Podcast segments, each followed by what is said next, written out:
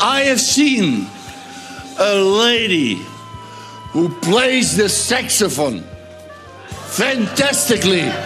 Give her a big applause.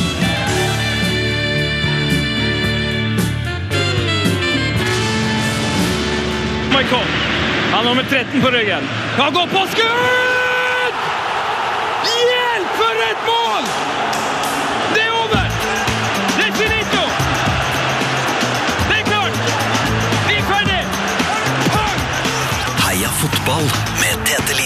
Og Sven Biskår Sunde. Heia fotball! Heia fotball! Heia fotball til gutten. Eh, Heia fotball, Sven. Har du det fint der nede i Oslo? Eh, ja, kunne hatt det bedre, men akkurat nå har jeg det bra. Mm, Begynner å lande. Ja, eh, altså, jeg har landa. Eh, problemet var at jeg landa for godt i senga i natt. Eh, sov seks timer mer enn jeg trengte å gjøre. Seks timer mer! Det har aldri skjedd meg før. Jeg lurer på om det er min nye, nye kjærlighet eh, allergi som har gjort det. Oh, ja. Bare sov over absolutt alt av telefoner og alarmer. Det er jo skandale, ifølge Skandalemannen. Det som altså er greia, vet ikke, kanskje, kanskje jeg kan høre det på lyden i dag, men jeg sitter i Trondheim. Eh, Tetefar sitter i Oslo med dagens gjest, og eh, det var ikke akkurat en knirkefri reise du hadde til Oslo. Nei, det var ikke Men... For Forsov du med seks timer?! Det er altså Det er jo helt Ja, det er nitrist. Og da, Nå vet jo da folk rakk du ikke fly. Nei, da rakk jeg ikke, da rakk jeg ikke det flyet. Så da kjøpte jeg et nytt fly, og det ble da utsatt tre ganger. Eh, altså i godt over tre og en halv time. Herregud. Eh, Kan det, den forsovinga di, kan det òg ha en konsekvens at vi og det hadde en fantastisk fotballkveld i går? Det kan være, det kan være at eh, 0-0-kampen mellom Arsenal og Sunderland rett og slett var for gøy. Eh, Tidenes 0-0-kamp. Tidenes er kanskje litt hardt å ta i, men det var gøy. Nei, du, det var hva var det det sto? 28-7 i avslutning på målet eller noe sånt. Eh, Dick advokat begynte å grine. Eh, ja, det, var, det er en av de beste 0-0-kampene jeg har sett. Og så avslutta vi kvelden med en liten, eh, et lite pirolotrofé. Ja, det var også greit. Ja, helt til du kom på at det var fire Milan-spillere involvert i den seieren til da. Riktig, og at eh, Milan betaler halvparten av lønna til Matri. Enda. Eh, Om min fotballuke kan jeg si at eh, den har vært eh, ganske lik de. Eh, vi koste oss i går. Og, mm. Men ellers har jeg mest bare fokusert på å få et på nytt headset!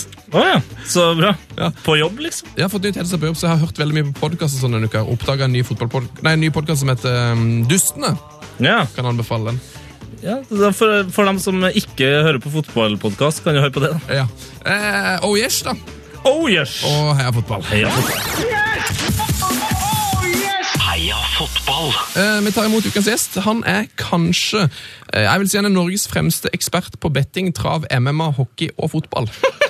Og ikke nok med det, Han er jo nok den gjesten som flest av dere som hører på, har ønska dere. Eh, velkommen til oss, Morten Langli. Ja, takk for det. Det er hyggelig å være ønsket. Du, Yes. du har vært sterkt ønska. Det, liksom, Ok. eh, altså, det er en ting å ønske, en annen er vel når det begynner å nærme seg en slags trussel. Det, Så ikke dere får en Langli nå, slutte slutt å høre på.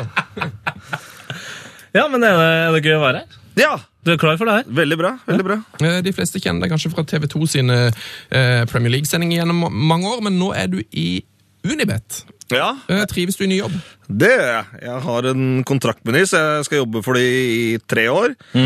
Samtidig så har jeg jo begynt å jobbe litt på TV igjen for Viasat med Champions League-sendinga der, så får jeg litt av begge verdener. Så Ja. du jobber i, i Viasat jobber du med CL-studio, Ja, og hva gjør du i Unibet? Der eh, lager jeg eksperttips, en sånn videoblogg som jeg publiserer på siden der en eller to eller tre ganger i uka. Det spørs litt hvordan eh, ideer jeg har i forhold til hvilke kamper jeg mener er spillbare, og jeg har veldig redaksjonell frihet der, så jeg blir ikke pressa til å lage noen tips jeg ikke føler for eh, selv, og de er veldig opptatt av at jeg skal eh, gjøre det bra med tipsene mine, sånn at kundene kan vinne penger, og det er jo egentlig bra for min egen troverdighet også, så jeg legger mye jobb i det, og etter at Tippeligaen starta nå, så har det gått veldig bra et par måneder. Så er det det du sier at hvis det er uker hvor det er faktisk en, er utrolig mye vanskelige kamper, så kan du bare levere nesten ingen tips? Ja, eller da, da lager jeg kanskje innslaget mitt og sier at eh, ok, nå har jeg kikka på Premier League-matchene, jeg syns oddsen er riktig, jeg syns det er vanskelige kamper. For litt av det med å spille på fotballkamper, som sikkert mange av dere som hører på gjør også, så er det jo å finne der du mener at de som har satt oddsen, har gjort en feil. Ikke sant? Det er, det, er jo da, det er jo da du har en eh, Hvis du, hvis du ser for eksempel en, en kamp, et klassisk kamp, da, Manchester United-Arsenal. Det var ikke så lenge siden de spilte mot hverandre heller. Og der var det vel Der var Ars, der var United knepne favoritter nå. Ja. Og, da, og da, da må du vurdere er oddsen satt riktig, oddsen satt feil. Hvis du da helt personlig er overbevist om at Arsenal kommer til å vinne den kampen, og United er favoritt, det betyr at du ville satt oddsen på en annen måte. Hvis du personlig hadde satt oddsen. Og da, ok, da, Da går du for det. Da går man for det. Det er, eh, det er sånn eh, man bør tenke hvis man skal eh, spille på kamper. Ja, for i går så oppdaga jeg nemlig at, at det var 11 odds på Sunderland. Det syns jeg hørtes såpass godt ut for min del at jeg, jeg betta på det. Ja, det var jo sånn kampbilde under ett, så var jo det ikke så bra spill, hvis man ser kampen. For de, var, de var veldig langt unna å vinne, men samtidig så kunne de vinne inn. Og det er jo litt sånn, Når man spiller på fotballkamper eller på alt mulig annet for, eh, ellers også, så må man jo tenke man har en idé før hvorfor man tror på det. Som du trodde på Arsenal, nei, Sunderland i går, og så sier du 11 odds. Ok, vinner i den her 1 av 11, kan du tenke. Motivasjon. Litt sånn, ja, det er jeg enig. Altså, jeg syns det var en fristende odds. Jeg, Ja. jeg mener, Oddsmessig så gjorde du et godt spill der. Og så, etter kampen, så kan du etter å ha sett kampen, så kan du tenke Var det et bra spill?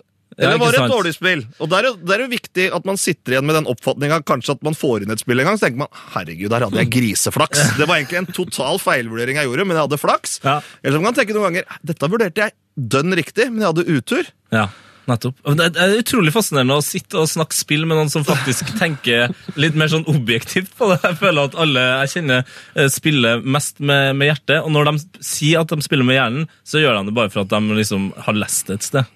Ja. Ja. Så det her er, noe, er god erfaring. Og det er litt av meninga med bloggen min nå. Å aktivisere eller få folk til å tenke sjøl. At jeg kan snakke om en kamp, jeg kan komme med min argumentasjon.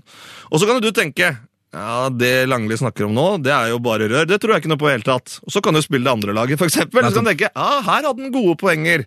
Dette er noe jeg har registrert selv også. Ja, nå ble jeg styrka i troa på den uh, kampen. Så det, det er ikke, jeg vil egentlig ikke at folk skal følge mine tips helt blindt, men kanskje jeg kan sette i gang en En prosess. tankeprosess, så folk kan danne seg en uh, egen oppfatning. Og det er litt av Unibets uh, policy med dette greiene her òg. Og at vi prøver å utdanne spillere, så folk får litt mer kompetanse. Da. Jeg Ja. tror det er bra på sikt. Eh, Jeg har snakka litt med han uh, Lars Dybwad, som, som uh, gir tips for Dagbladet. Ja. Og Han er jo sånn veldig analytisk, og han, han er jo mye flinkere enn de fleste til å spille. Han går jo, han er fant har inntrykk av at han måte går i pluss. Er det sånn med det at du, at du faktisk, hvis du er så systematisk og spiller såpass mye at man liksom gjør det riktig, at man tjener penger på det?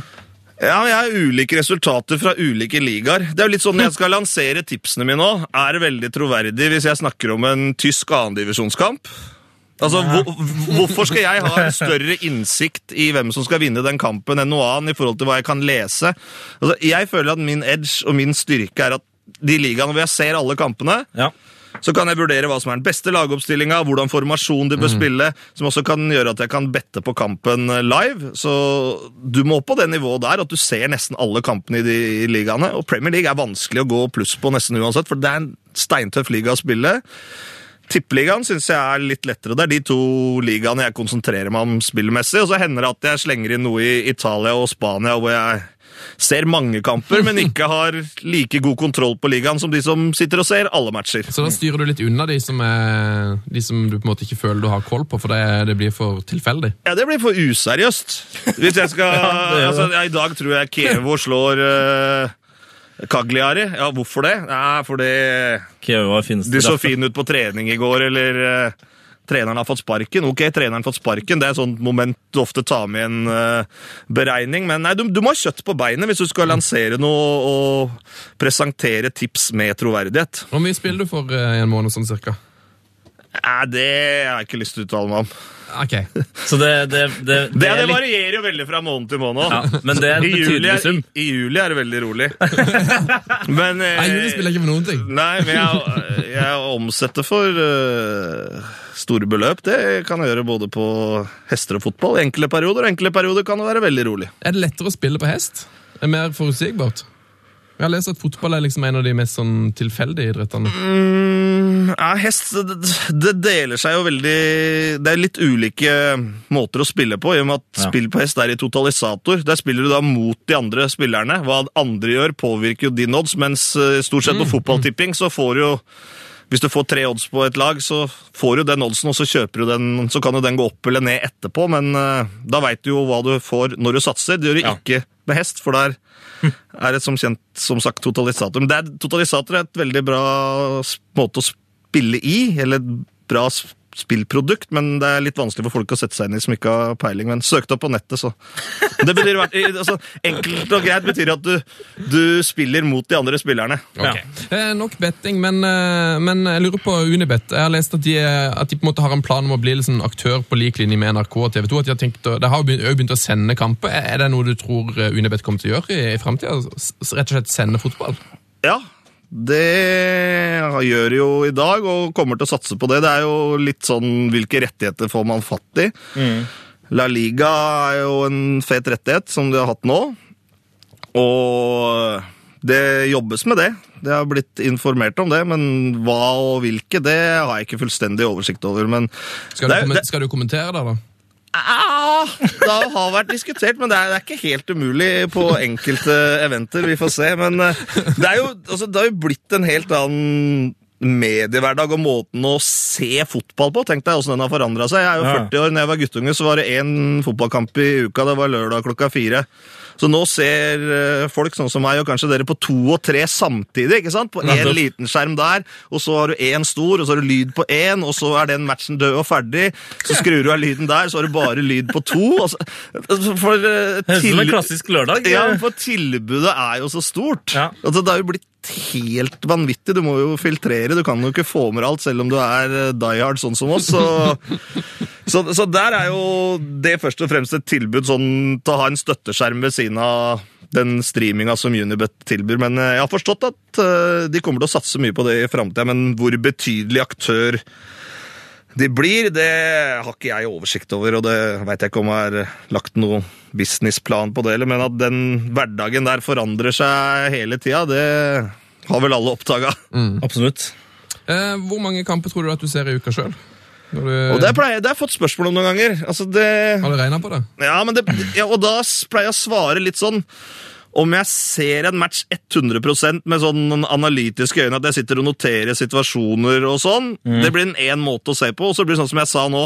Hvis du har spansk på én, norsk på én, Med italiensk altså, Du ser tre eller fire kamper samtidig. Da blir det jo ikke samme kvaliteten i seinga. Du får ikke med deg eh, like nei. mye av detaljer og sånne ting. Så hvis jeg skulle jobbe en, en eh, Premier League-sending i studio, så måtte jeg jo sette meg ned og se den kampen, gjøre notater, skrive tidskoder osv. i forhold til ting jeg eventuelt ville bruke i en analyse. Så er én måte å se på. Og når du kommenterer en match, da har du jo fullt fokus. og og kun konsentrert om den, men så blir det sånn mange TV-tittinger eh, ganske ofte, så Sø- Søndags ettermiddag hjemme med iPad og Mac og TV? ja, jeg tror jeg har sett på sånn en lørdag eller søndag, så kan du jo faktisk være borte i 20 kamper. Det er noen søndager jeg har vært ikke fått lagt meg, så har Eurosport begynt å sende MLS nå.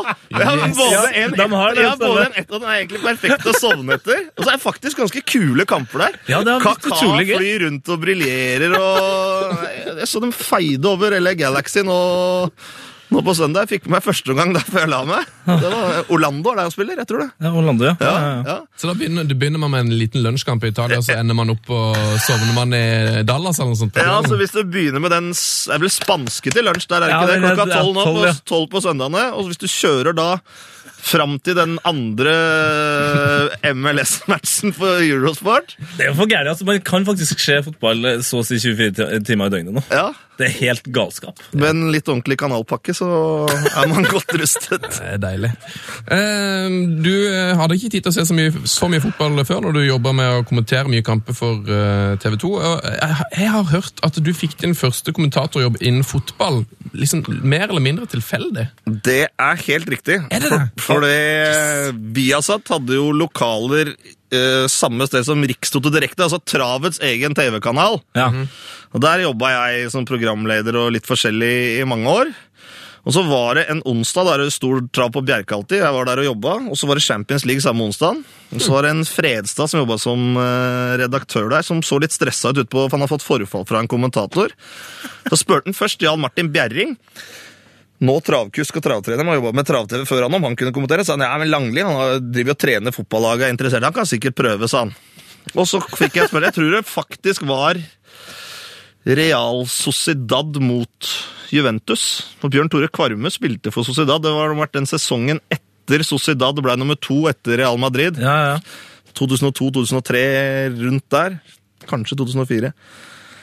Og så jeg var jo ung og dum og frekk og freidig, så jeg, jeg klinte jo bare til, Ja. Og så fikk jeg ok sånn positiv respons på det, og så kommenterte jeg noen Champions League-kamper for de, men det var jo sånn på Vi har satt motor og Kanal 4 og Via Ja. Det var vel ikke Viaplay den gangen, men Og så plutselig ringte de fra TV 2 når de skulle begynne å sende spansk fotball, og hadde hørt på dette her og syntes at det var bra. Og de kunne da tilby meg mange flere kamper. ja. Og så da hoppa jeg på en avtale med de, og det var i 2004. Så jeg hadde jobba der akkurat i ti år når jeg slutta der eh, nå i fjor.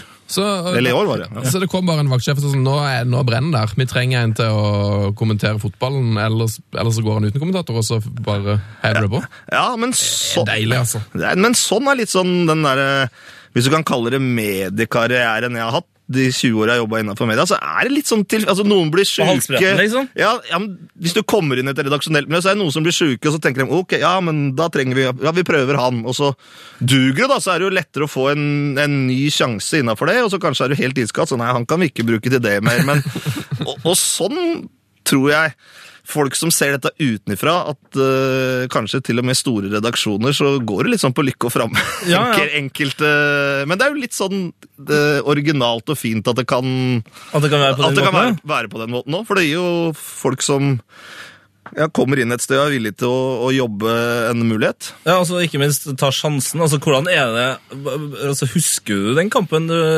du kommenterte den første gangen? altså Det må være noe å komme inn der på halsbretten og bare sånn Stemme, ok, eh, vi har Real Sociedad her. Jeg, har, du Jeg har fikk et par timer, da, og jeg kjente de laga sånn brukbart fra før av. Men det er selvfølgelig, jeg visste jo ikke åssen jeg skulle presentere språk, timing på slover. altså Sånn som du får coaching på og blir bevisst på etter hvert som du har kommentert eh, mye. Så det var sikkert veldig dårlig. Jeg har ikke sett den kampen i opptak i, i etterkant. Men jeg husker den. Den høsten der så fikk jeg sjansen til å kommen, I 2004 så fikk jeg sjansen til å kommentere på TV 2 første gangen. Da var det sendte de Det var het vel Adeccoliga den gangen, og det var Kongsvinger Start, husker jeg. Å, start, start rykka jo opp, og det var første gangen da kommenterte jeg sammen med Ivar Hoff. Det var første kampen på TV 2. Og så fikk jeg vel sjansen litt seinere på sesongen, det var tidlig neste sesong i Tippeligaen, og da tror jeg første matchen jeg hadde, faktisk var Vålerenga-Lillestrøm. Å, fy fader. Det er greit. Og, og da åpna jeg fra Ullevål med et eller annet. og Da tror jeg, da var jeg nervøs og hadde egentlig mista det litt, så da sa jeg at det var eksentrisk stemning. Og så pirka matta meg rolig i sida, og så sa han ja, i hvert fall elektrisk, Morten. Så da var tonen satt. Men etterpå så fløyt det veldig bra, den matchen der. Å, nydelig. eh, og så har du vært i TV 2-studio, og der har jeg òg eh, Nå prøver jeg meg igjen her, for jeg har hørt noe rykte her om at du har jobba der i TV 2 sammen med Norman Whiteside en eller annen helg. Ja, det stemte. Ga- Gamle United-legenden. Ja, Han er blitt interessert i noen greier. Han er jo han er veldig opptatt av føttene dine. Ja, men han har vel tatt utdannelse innafor det, tror jeg, og lager sånne spesialsåler for uh, folk med skavanker i føttene. Og så drev vi diskuterte jeg det, så sa vel jeg at jeg var uh, plattfot. Du er det, ja. Og så, Jeg tror bare på ene beinet ordentlig. Og så, ja, så ba han meg ta av meg sokka, da. Og da Yes, very platfooted! og lo og greier. Og så han, eh, ja, han, han kunne bekrefte det. Han kunne bekrefte det. Ja. Han kunne hjelpe deg med noe? Nei, men jeg har faktisk en sånn såle som jeg fikk på Nime en gang i tida. Som jeg brukte litt når jeg spilte fotball sjøl. Hvis jeg går i dressko, så bruker jeg den. Men er det ulempe å være plattfot når du skal spille fotball? Jeg, jeg hadde et jævlig dårlig steg, så jeg tror det. Var i hvert fall ikke rask, så jeg, jeg er ikke usikker. Jeg, jeg vet ikke. Det er kanskje derfor de har sånne legesjekker når de signerer spillere.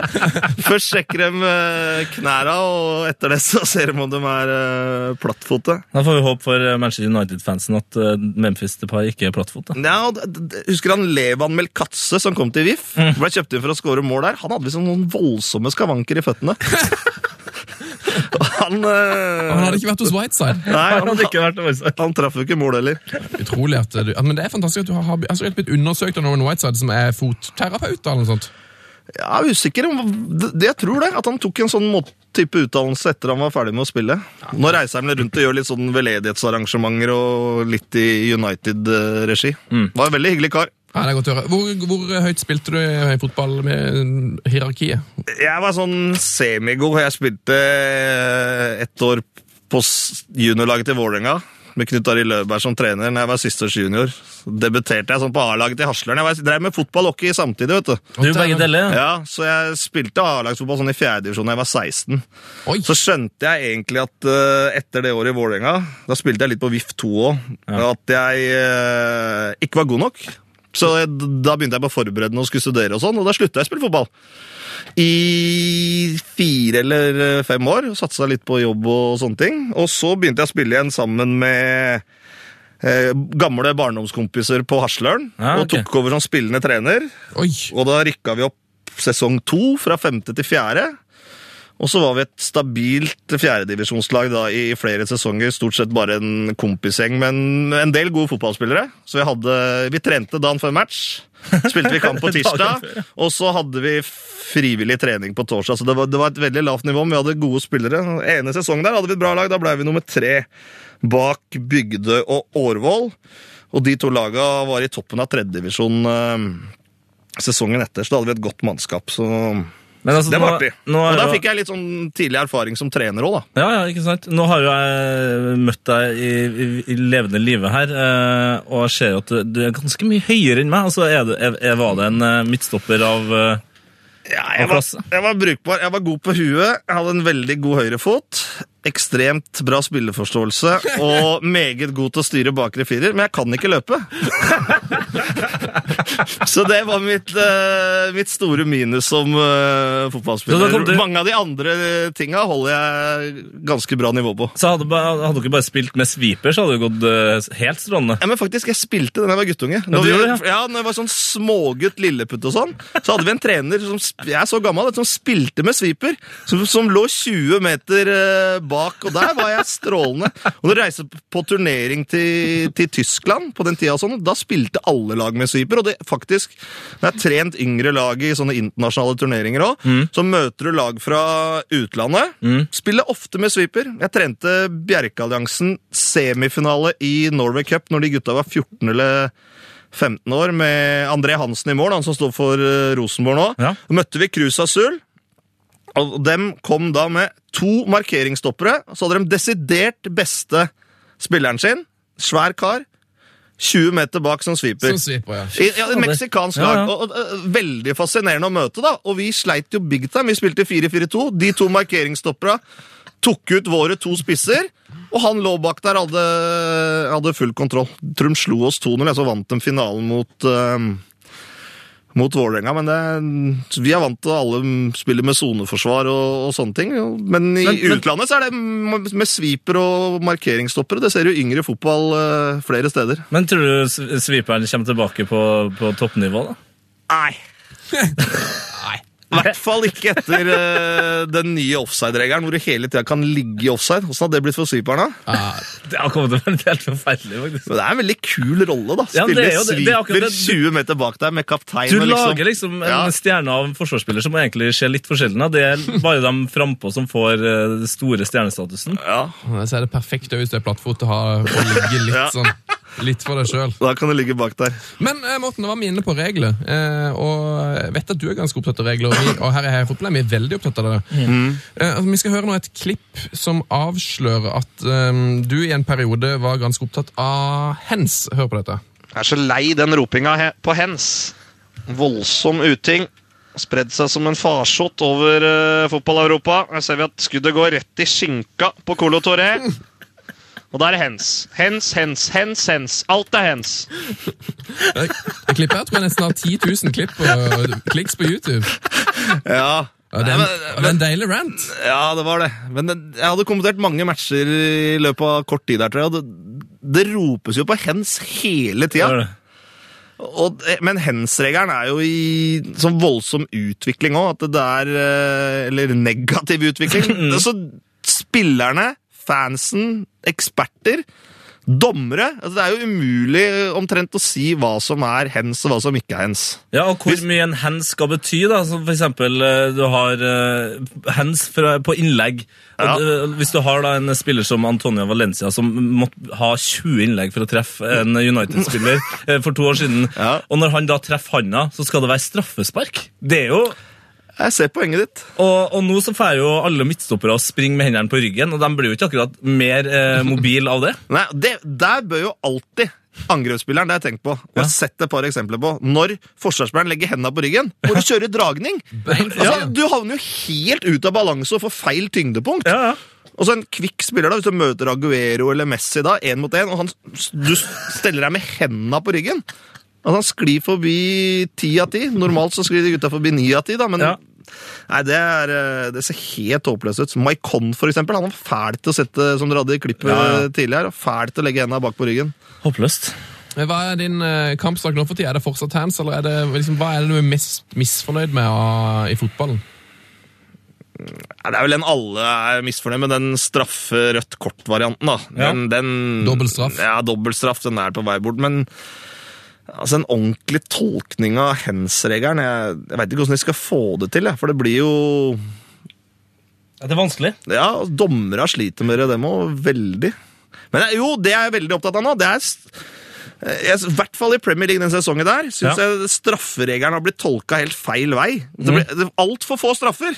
Det har blitt for kjedelig. Det har blitt Nei. for få straffer. Ja, men det blir for altfor mye at det er angrepsspilleren som oppsøker situasjonen, sier de. Mm. Jeg tenker ikke sånn. For det er jo forsvarsspilleren som er klønete, som lager frispark. Og den terskelen der, ifølge regelen, så er det jo helt klart Det som er frispark ute på banen, det er straffespark. Hvis det skjer innafor. Men det, det er mye større list, fordi konsekvensen av straffespark er mye større. Og samtidig har du dommerne hvordan de tolker gule og røde kort i forhold til klokka. Ja. Altså Noe skjer tidlig, så er jo alt lov, da. Hvis Ja, noe skjer midt i kampen, så er det ikke lov. Et godt uh, eksempel på det er vel VM-finalen i 2010, når uh, de Jong Ja. kvester Sabi Alonso Ja, ja. og er det to eller tre minutter. Det er et soleklart rødt kort, men det gir han ikke rødt kort. Det er det gamle Phil Neville-trikset. Han satt alltid en stygge takling i begynnelsen av kampen. Slapp alltid unna med det. Ja, Trevor Morley også sier alltid det. Det var en sånn fast regel i England den gangen Skrem han spilte. Skrem motstanderen de første fem minutterne, ja. Tre første er lov. Ja. Og så kanskje får du på fjerde, men vi, vi kan ikke ha det sånn. Vi må beskytte de gode spillerne. Regla gjelder når dommeren blåser i fløyta. Det kan ikke ha sånn heving av regla. Du kan slå ned folk første tre minutta. Altså. Ja, Regelen kommer seg utover omgangen, Ja. så det er bare å fortsette. Du må bruke skjønn og tolke det, selvfølgelig, men øh, Nei, det er, det er litt fanesak. Kampsak nå. Vi er veldig opptatt av, vi har en regel som vi har foreslått som heter offzone. Eh, Du kan fort- fort- fortelle konseptet, Tete. Ja, det er jo sånn at det er så utrolig mye drøying av tid ved hjørneflagget. Og der, Om man bare kunne ha laga en eh, slags sone der, eh, der man bare kan være i fem, minutt, nei, fem sekunder eh, når det er fem minutter igjen av kampen, så slipper Vålerenga er jo spesielt for eksempel, har blitt kjent for å være god på denne her måten å, å drøye tid på, som er bare helt håpløs. Korte corner, ja. Ja, Ja, jeg vet det ikke er populært for fansen. Mange som er irritert på lange innkast òg.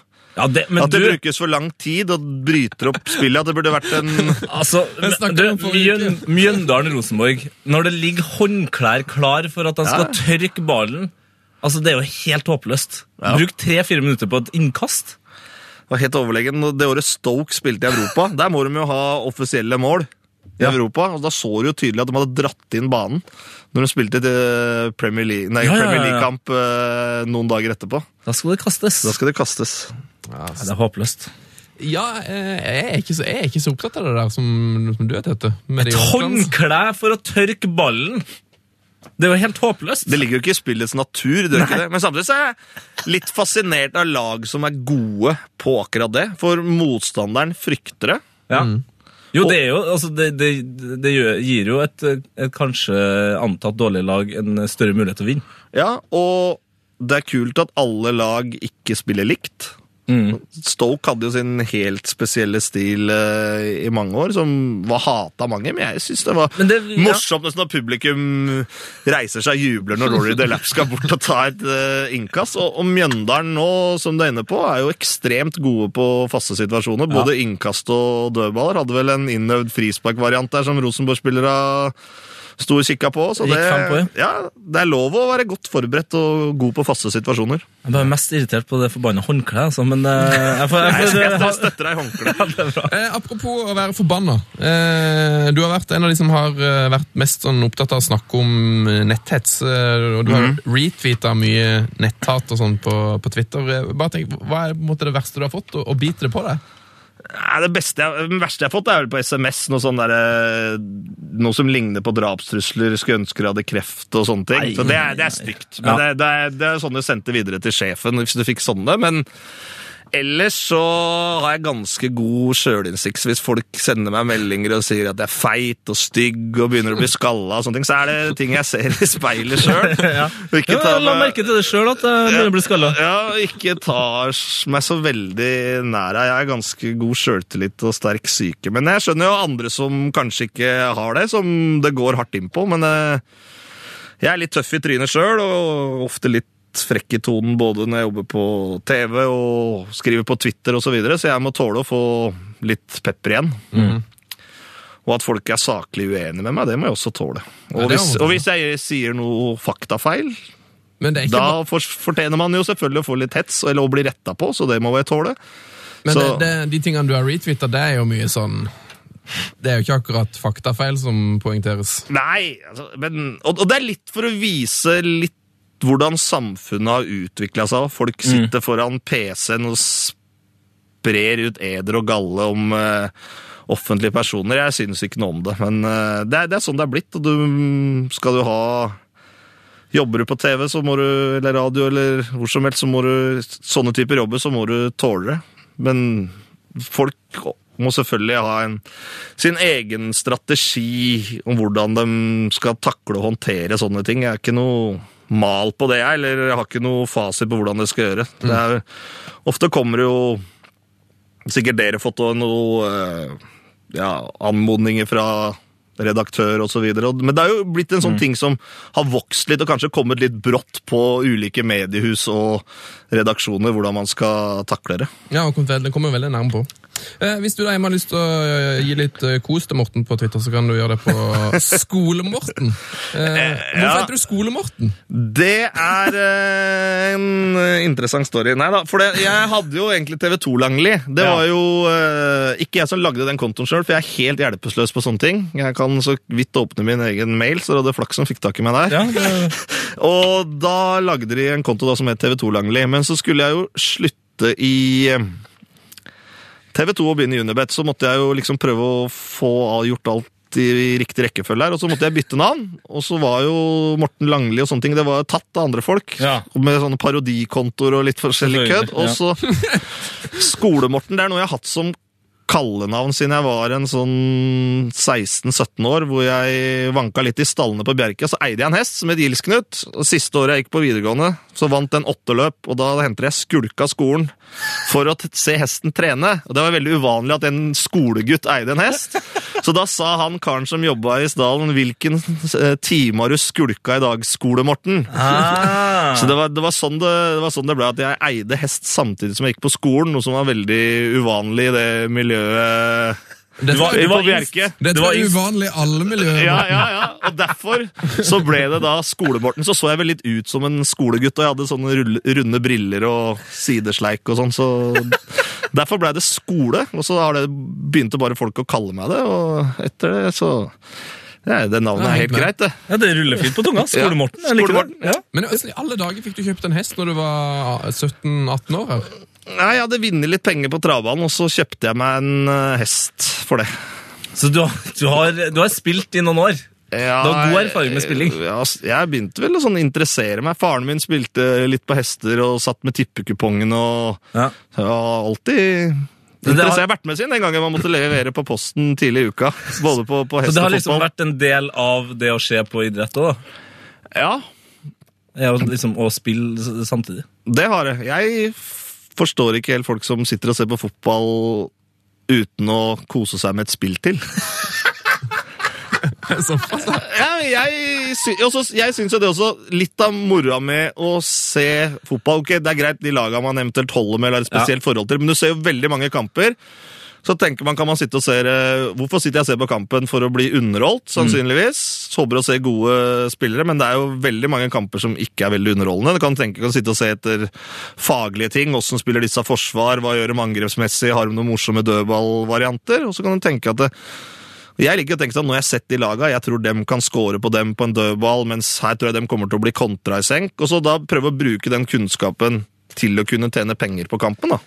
Så ditt tips er, er rett og slett eh, ta deg et par-tre spill til kampen.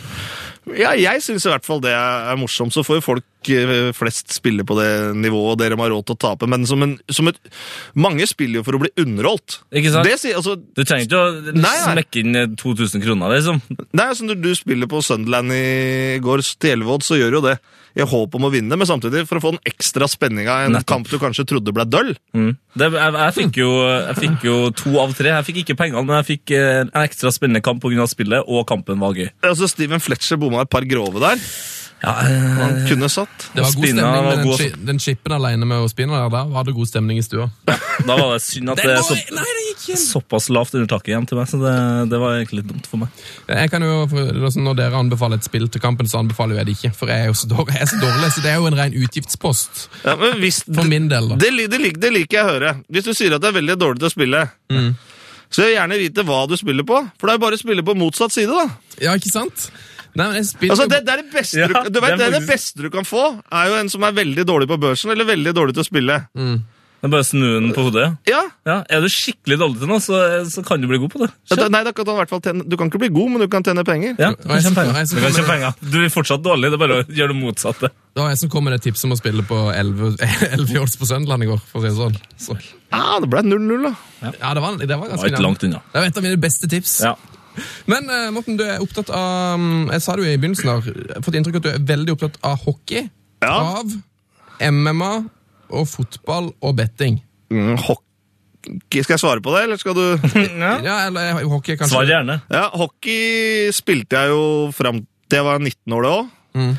Veldig gøy. Og så fulgte jeg ikke med så mye på hockey noen år, men så skulle jo TV2 ta over rettighetene til Gateligaen. Mm. Og da ville jeg at jeg skulle begynne å kommentere. Og så gjorde jeg det i flere sesonger og satte meg inn igjen og møtte mange gamle hockeyvenner, og det var veldig gøy. Og så runda jeg da hockeykommentatorkarrieren med OL i Sotsji, som var en stor opplevelse. Verdens beste spillere der borte. Og... Så jeg, jeg følger med på hockey fortsatt, men ikke like mye som når jeg kommenterte det én til to ganger i uka.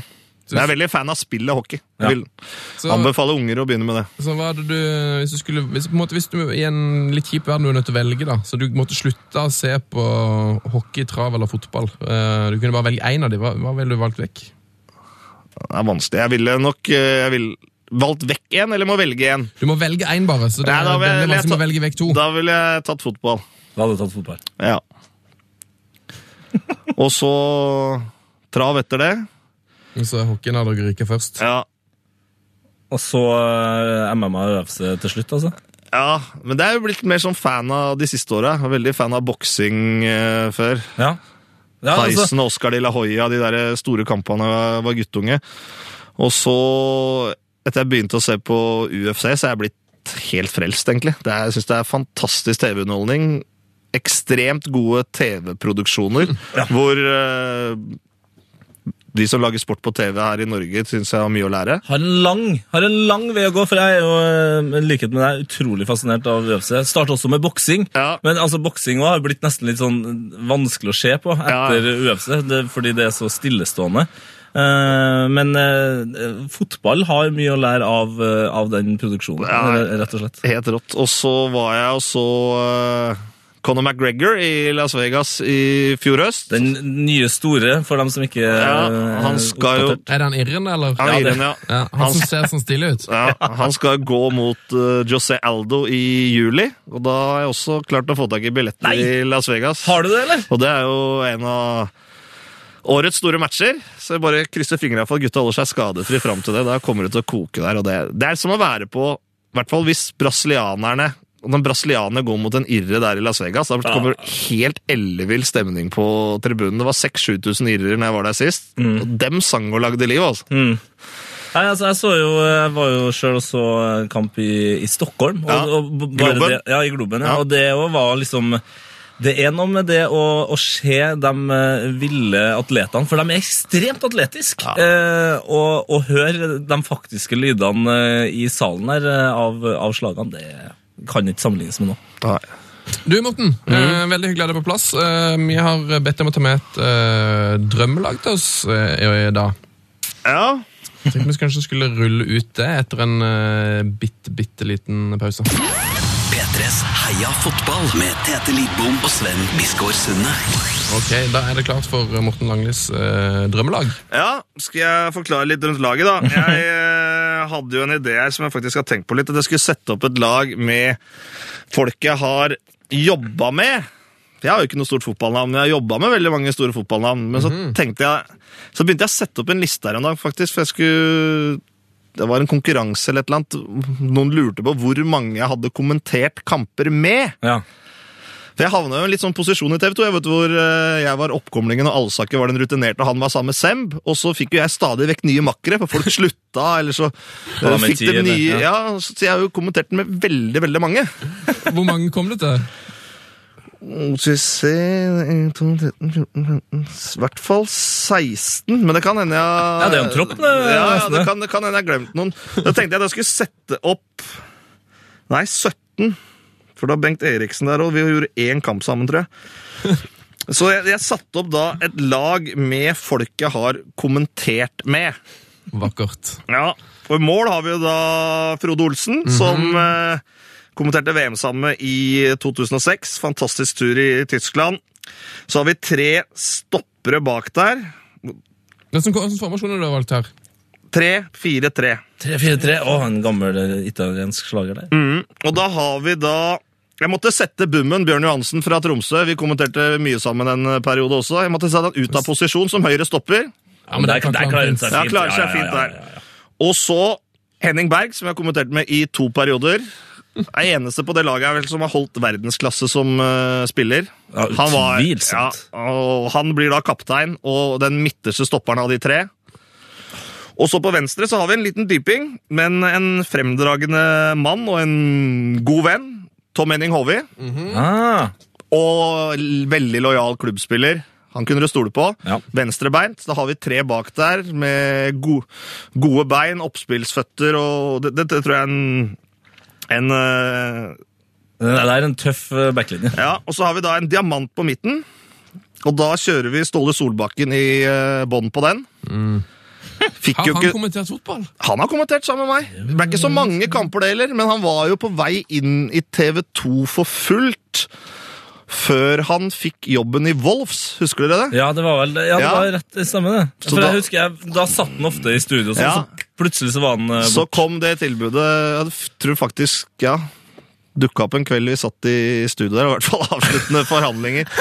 Så, øh, og vi kommenterte også noen kamper, da, for det var tenkt at vi skulle være et kommentatorpar, men sånn ble det jo aldri. Så vi fikk kanskje to eller tre kamper sammen. Men han får plass på laget.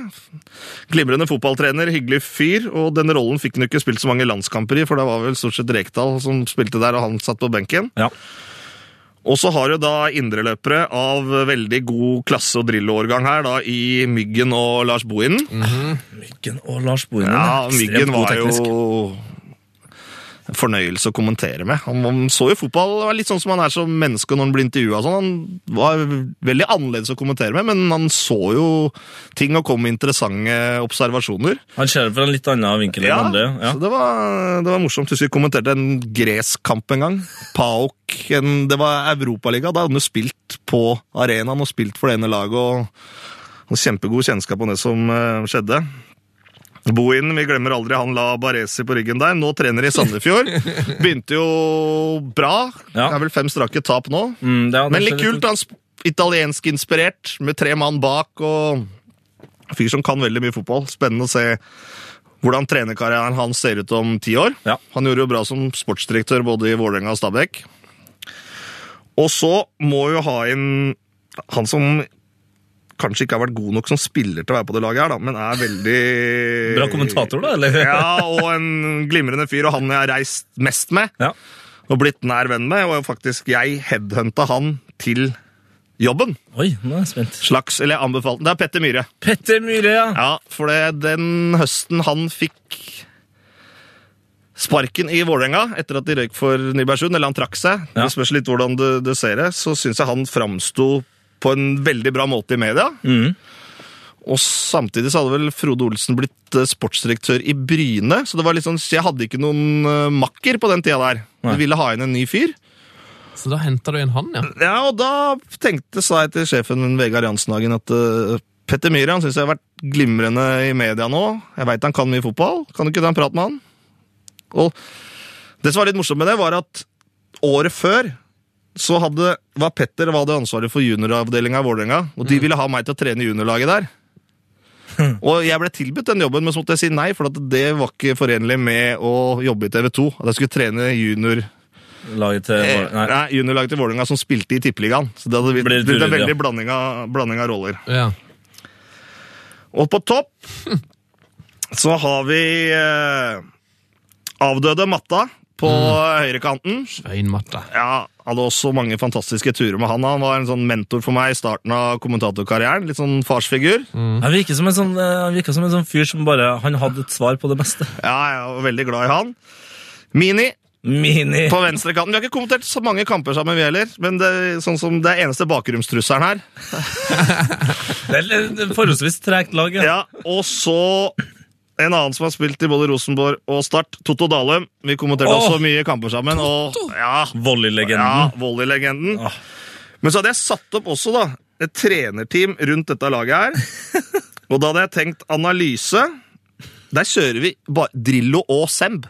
Det, ja. Det er tungt! Det er et tungt analyselag. Ja. For trener må jo være en som er aktiv i dag, Ok. og som gjør det veldig bra. Tor Ole Skullerud. Ah, selvfølgelig. Han kommenterte jeg med i to sesonger. Han har kommentert med han nå. Ja, Han vraka meg og ble trener i Molde, og det har gått veldig bra. Og så sportsdirektør. Den første som var direktør, som liksom innførte profesjonell fotball i Norge. Hvis noen av gutta her skal bli solgt, og vi skal få ordentlig betalt, Ivar Hoff fikser det. Ivar Hoff fikser det. fikse biffen! Ja, Det her er et strålende lag.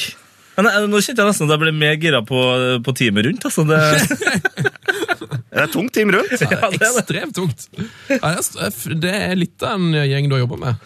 Ja, det er eh, Lært mye, alle sammen. og Ivar Hoff kan jo også lære bort eh, sin eh, strøkne rabona til alle spillerne utpå der. Det er litt kult med Ivar Hoff. Altså, Alle tror at han er sånn ufyselig, ekkel uh, mann som er mannevond, egentlig. Men han er verdens hyggeligste fyr! Mot alle! Jo, jo. Han er helt annen enn han fremstår uh, på TV. Det er, Det er gøy. han kan være sånn, sånn første gang jeg skal hilse på han, litt sånn fyr du er redd for å gå bort og prate ja. med. da. Hvis du bare har sett den på TV. Men eh, Så er den helt myk. helt myk kjernekar, rett og slett. Og veldig morsom. Han er like morsom som han er på TV. Du har vært inne på her at du har eh, litt trenererfaring sjøl. Og så har du jo jobba sammen med de seks største trenerne i norgeshistorien. Eh, Du skal ikke bli, bare bli trener sjøl? Har du noen, noen, noen trenerambisjoner? Jeg hadde veldig trenerambisjoner da jeg var yngre. Jeg tok jo, eller det som het C-kurs, tok jeg vel da i 2004. Og så begynte jeg, så var jeg spillende trener, og så trener for A-laget til Hasløren. Og så begynte jeg å trene lag som het Bjerkealliansen, gutter født 89. Det var første laget jeg hadde hovedansvaret for eh, selv da de gutta var eh, ble 14. Det var der du hadde André Hansen? Ja, han kom fra Veitvet sesong to der. Bjerkealliansen. Bjerkealliansen var sammenslått av uh, Hasleløren, Linderud og Årvoll. Var et veldig bra konsept med gutter da fra Bjerke bydel. De klubbene ligger jo rett inntil hverandre. Så for at eh, de beste spillerne ikke skulle gå til type Skeid, Vålerenga, Lyn i den alderen, Så måtte man gjøre en allianse. ja, så gjorde vi en allianse, og så lagde vi elitelag, samtidig som vi hadde breddelag på hvert, eh, hvert trinn nå, og det fungerte veldig bra i mange sesonger. Sånn som André Hansen, da, når han var annetårs uh, guttespiller, så sto han i mål da i interkrets uh, for Bjerkealliansen, og så spilte han spiss ute på annetlaget, skårte masse mål og syntes det var, syntes det var kjempegøy. Og mange av de gutta som den gangen da kom fra de ulike klubba, de er gode kamerater i dag òg. Ja, André Hansen jeg har jeg også tenkt over at han er veldig god med beina, men nå vet jeg jo hvorfor. Ja. ja men Han har sinnssykt tilslag. tilslag. Ja, Det må jo være han som har blitt landslagsspiller. Ja. Ja. Jeg skøyt veldig mye på han, faktisk. I to sesonger. Banka til på nesten på hver eneste trening. For da når vi hadde deløvelse Jeg hadde en far på laget som også hadde trenerutdannelse, som var veldig flink. Så han kjørte ofte deløvelsene med de andre gutta, mens jeg sto og trente keepera litt. Herlig fred. Så du har coacha Norges største keepertalent, altså? Ja, mye. Dæven mye. Herregud.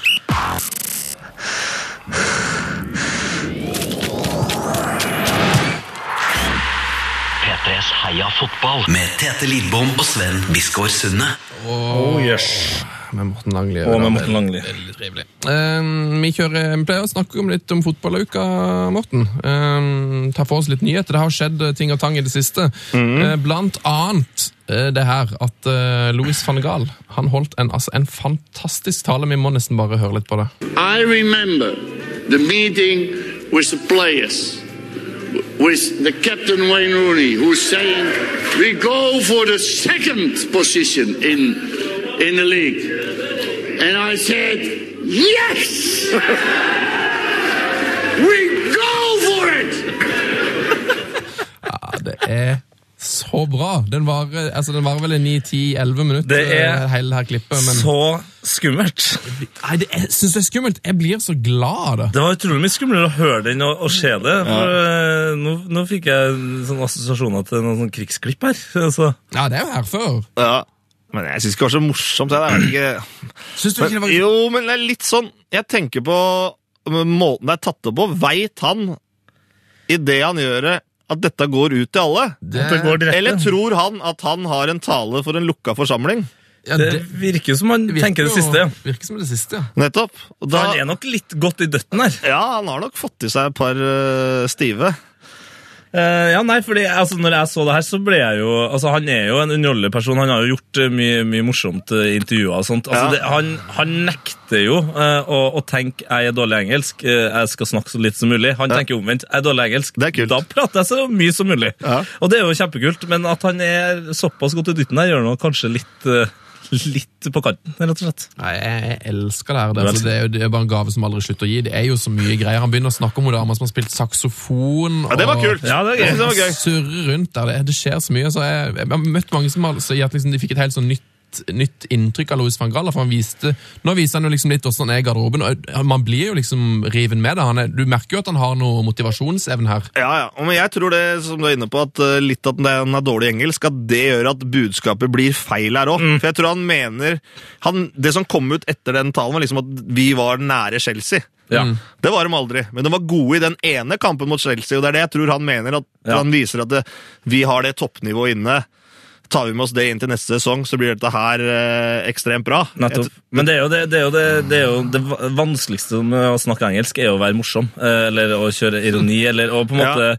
å snakke i flere lag. Det er der det forsvinner man, når man ikke har det som hovedmål. Og det er derfor disse nye trenerne nå hele tida kommer med tolk til de intervjuerne. Ja. Så de ikke skal misforstå eller gå på blemmer, for de skjønner jo selvfølgelig Pochettino og sånn. Ja. Han kanskje slutta med det nå, men han drev med det i to sesonger, så kom han jo med tolk. ja.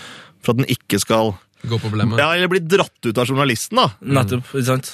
Det er mye lettere når du ikke behersker språket 100% Men eh, nei, som, som du sier, det er litt sånn, det, det som jeg synes er så deilig, er at du, du får jo for første gang et innblikk i hvordan det er på de United-festene. da. Eh, For, det, for Man får jo aldri se sånne ting, og det er jo så deilig. Men, men som du sier, hvis det her er blitt tatt opp og kringkasta ut at han vet det, så er jo det jo veldig rart at klubben liksom framstiller manageren sin på den måten her. Jeg hørte det hadde blitt fjerna fra YouTube i går.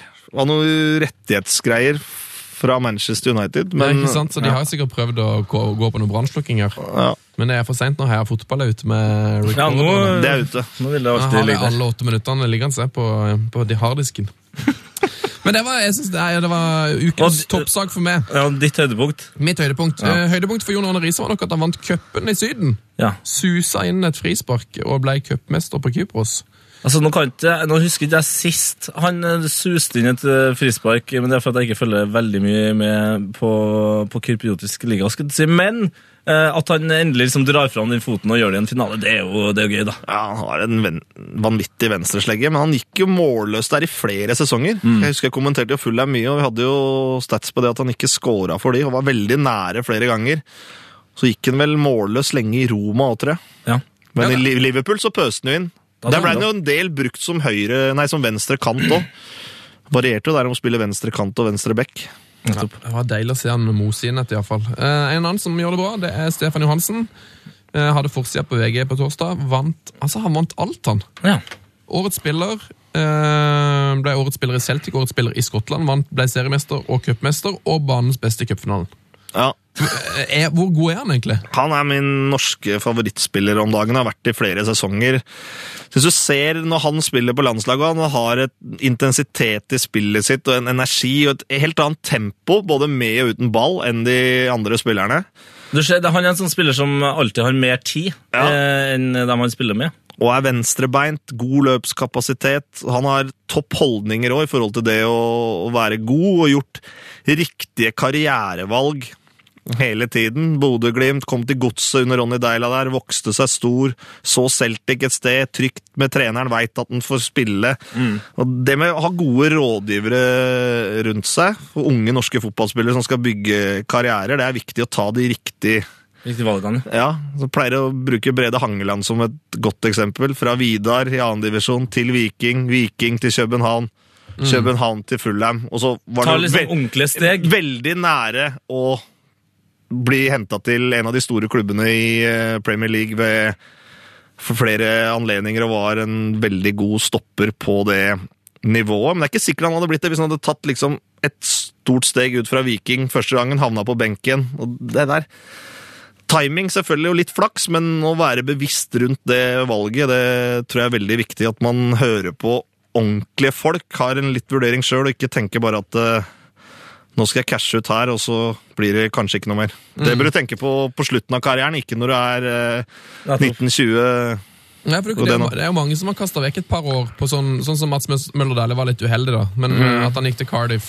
eh, og altså, Det er mange som liksom som, som bommer på det der, da. Ja, og det er selvfølgelig veldig vanskelig, og konkurransen er jo tøff.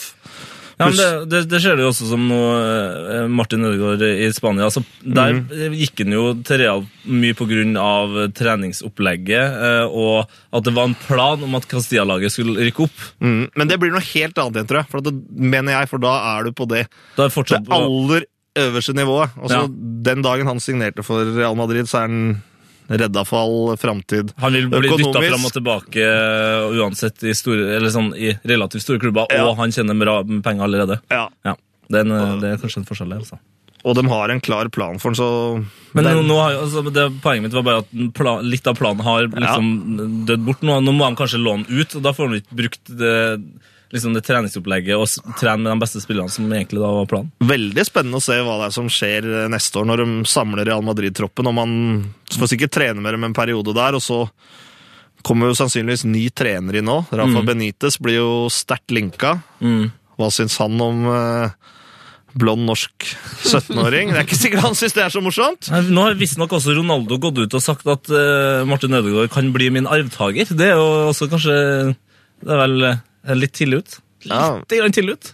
Hvis det blir halvparten, så er det for å være bra.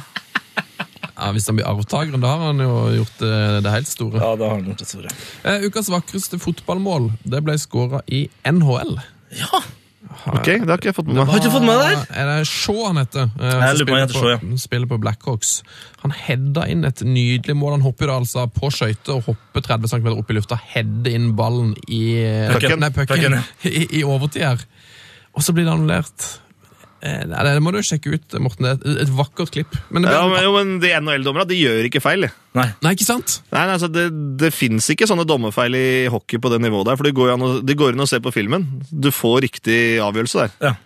Så der var avgjørelsen riktig. Men altså, er det Er det, er det, er det jo lov til å heade den inn, eller? Nei, altså Der er ikke 100 sikker på reglene, men hvis du mener at han gjør en aktiv heading, Ja. ja, da går det ikke. Det er det samme som å sparke den inn med skøyta. Men da hvis du står foran mål, Og og, pucken treffer deg i, i huet og går i mål Scoring. Det er scoring, ja.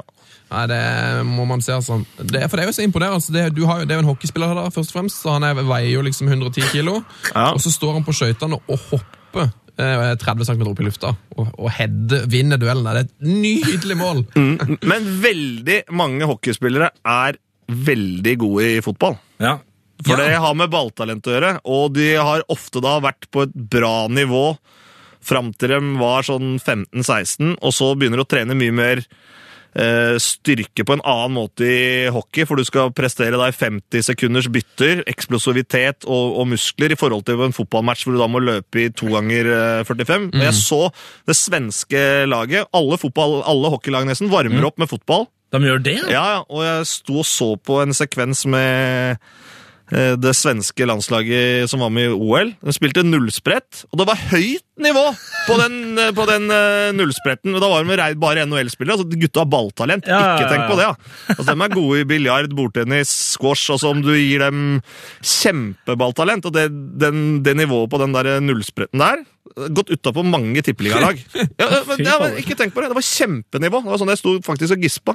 Ja, vi, hadde jo, vi hadde jo Brede Cissar her for eh, et par måneder siden. Og alle de gutta der hadde jo spilt uh, fotball. Og, og Sukka mente jo sjøl at han kunne sikkert spilt i Tippeligaen. Liksom. Han, Ja, og det er mange av dem som har uh, balltalent, men vanskelig å, å fullføre. Jeg spilte med mange sjøl som var gode i fotball, som velger hockey, og da får en muskulatur som blir blytung og drar, på seg, drar med seg ut på fotballbanen.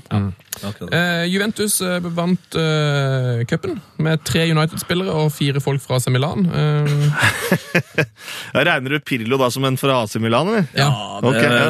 hvis, man, hvis man regner hardt, så kanskje man Og så regner du Pogba, Pogba som eh, United. United-spiller, da. Pogba, Tevez og Evra. Eh, United-spillere. Og så har, Ja, du, eh, så har vi fire folk fra Milan. Det var keeperen, Sturari. Mm. Og så var det Pirlo. Og så var det, så var det um, Matri Mm. og treneren. Treneren Allegri. Ja. Så det er jo endelig gøy for United å vinne trofeer. da.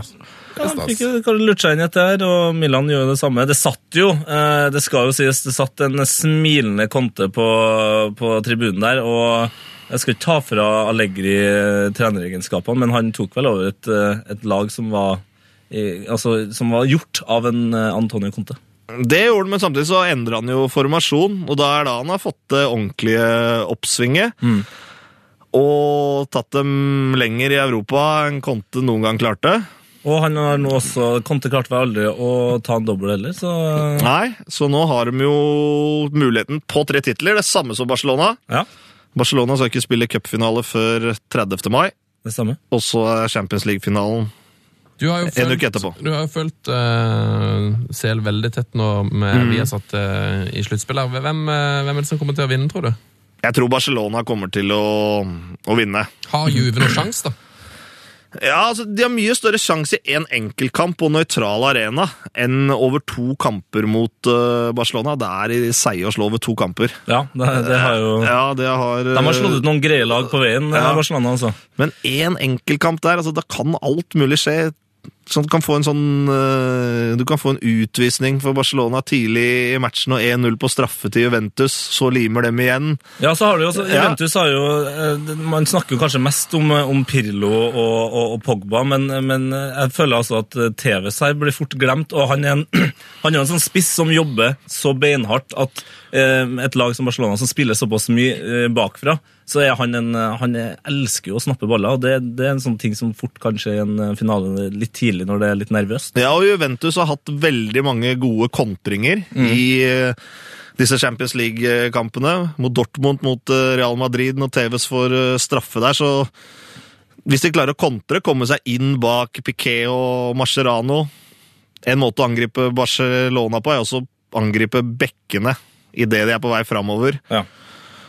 Hordi Alba Det er rom bak der, selv om Og, og det, hvis du klarer å få satt dem litt under press i perioder, fordi de eh, er jo ikke De holder jo nullen ofte, men de, ofte i kampene så blir du ikke satt under veldig press. Nei. Og på dødball har de selvfølgelig en, eh, En liten svakhet, ja. en, mu, en mulighet. Men det, gjelder, det er ikke ofte du får så mye dødball mot dem. da. Så de holder ballen oppe på din uh, halvdel hele tida. Men jeg holder Barcelona som klare favoritter, men Hvor mye, mye odds må du ha på Juve for å spille det? ja, jeg så i Asia nå, så var det en minus 0,75 sto eh, Barcelona i. Det betyr altså spiller, og da rundt 1,8.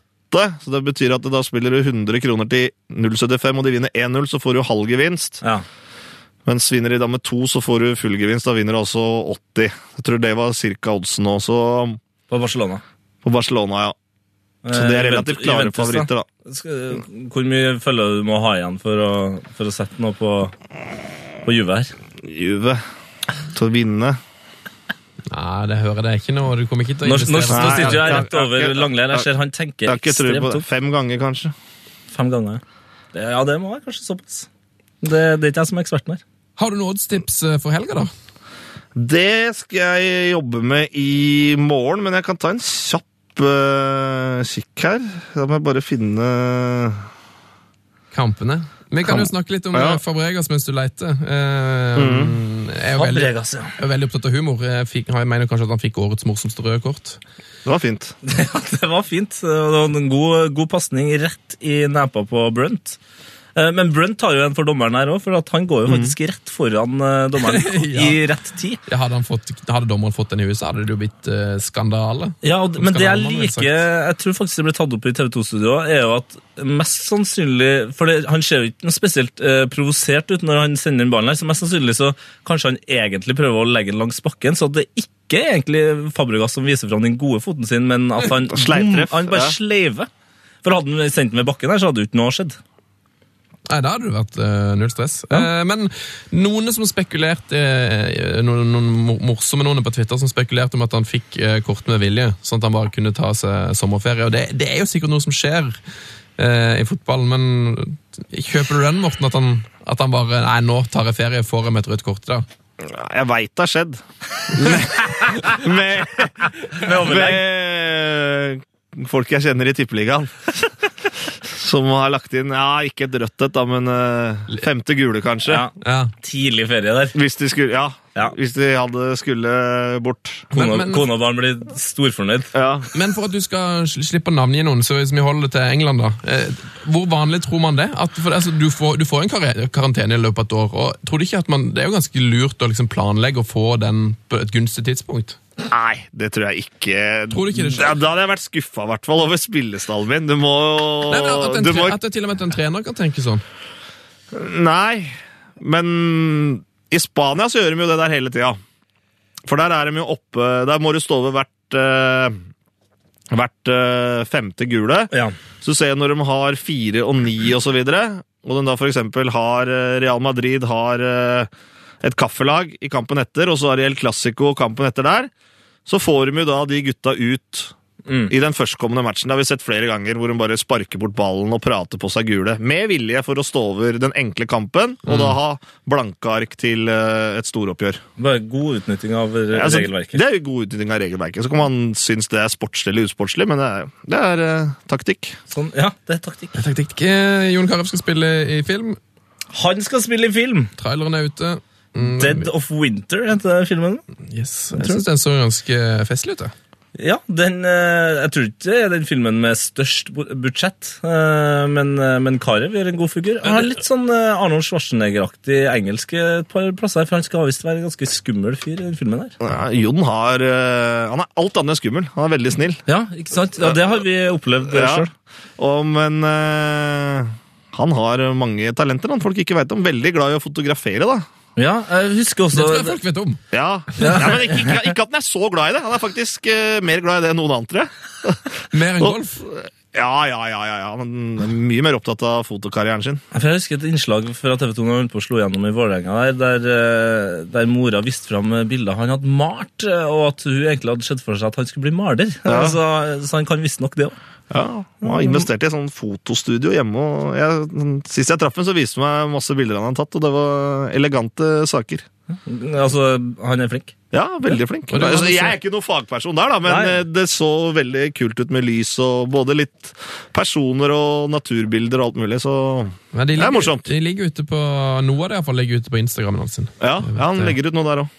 Eh, du skal få lov til å avslutte dette besøket ditt, eh, Morten, med et eh, tips. Hvis du har, hvis du har funnet et. Ja, jeg tror jeg har funnet en kamp som Oddsen er nok ikke all verden, jeg har ikke det helt foran meg nå, men jeg tror Valencia Det må jo på jobb. Ja. For det Sevilla jager dem. Det er jo en viktig fjerdeplass der i, om den siste Champions League-plassen i Spania. Mm. Det er Almeria borte, som også kjemper for livet, da, for å ikke gå ned.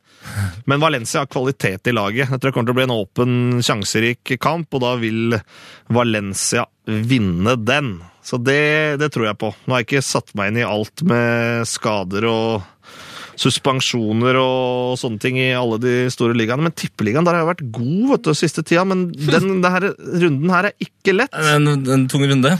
Altså, Odd slår Tromsø borte, jeg tror det. Kunstgresslag. Det som er viktig å tenke på når spiller, folk skal spille på tippeligakamper Kunstgress. Kunstgressgress, ja! Ja. Det er en stor eh, ja. forskjell. Se Mjøndalen har spilt to kamper på gress. Stabæk og Vålerenga tapt begge. Ja. Slo Det kommer- Rosenborg på kunstgresset ja, sitt. kommer til å gå mot Mjøndalen på naturgress. Mm. Det der er viktig, for den forskjellen er veldig stor fra kunstgress til gress. Både når det gjelder hvordan du spiller, og ikke minst litt for eh, muskulatur nå. Så Haugesund-Mjøndalen, er H. Ja, for eksempel. Ikke sant? Men der Haugesund har lagt om banen Før så sa de at banen i Haugesund var veldig tung. Den var lagt på en sånn myr. Så utover i annen omgang så fikk eh, motstanderlaga kramper i, beina, og spesielt av kunstgresslaga. Men etter de har lagt den om, så veit jeg ikke åssen det er der. Om det er samme sånn søkk i, i banen. Det er like myrete, da. Men du kan tenke deg selv hvis du løper på kunstgress, Ja. og så løper du på en våt gressbane. Det er stor forskjell, det. Et stor, ja, det er enorm forskjell. Ja. Ja, men det, det er en eh, fin ting å ta med seg inn i, i spillinga. ja. Ja. Det, det, det her er det beste tipset i hele dag. Gress, kunstgress. Tenk på det! Tenk på det. Eh, Morten Dagli, det har vært veldig hyggelig å ha deg på plass. Jeg vet du skal stikke og hente din mor, eller var det sånt? Ja. Mutter'n må Vi skal spise middag. Ah, Må ta vare på henne. det veldig, veldig bra. Det var veldig hyggelig å ha deg på besøk. eh, Du er selvfølgelig alltid velkommen tilbake. Så må du ha lykke til med jobb og trenerkarriere og alt som står framover. Trenerkarrieren er lagt på is, men Ja, men altså, ting som er lagt på is, kan uh, komme opp ja, igjen. hvis det dukker opp et kjempetilbud, så skal jeg mulig jeg hopper på. Hvis vi, hvis vi noen gang har en uh, sportssjef eller noe sånt eh, på besøk, så skal vi tipse. Det er bra. Eh, god helg og heia fotball. Hei, fotball.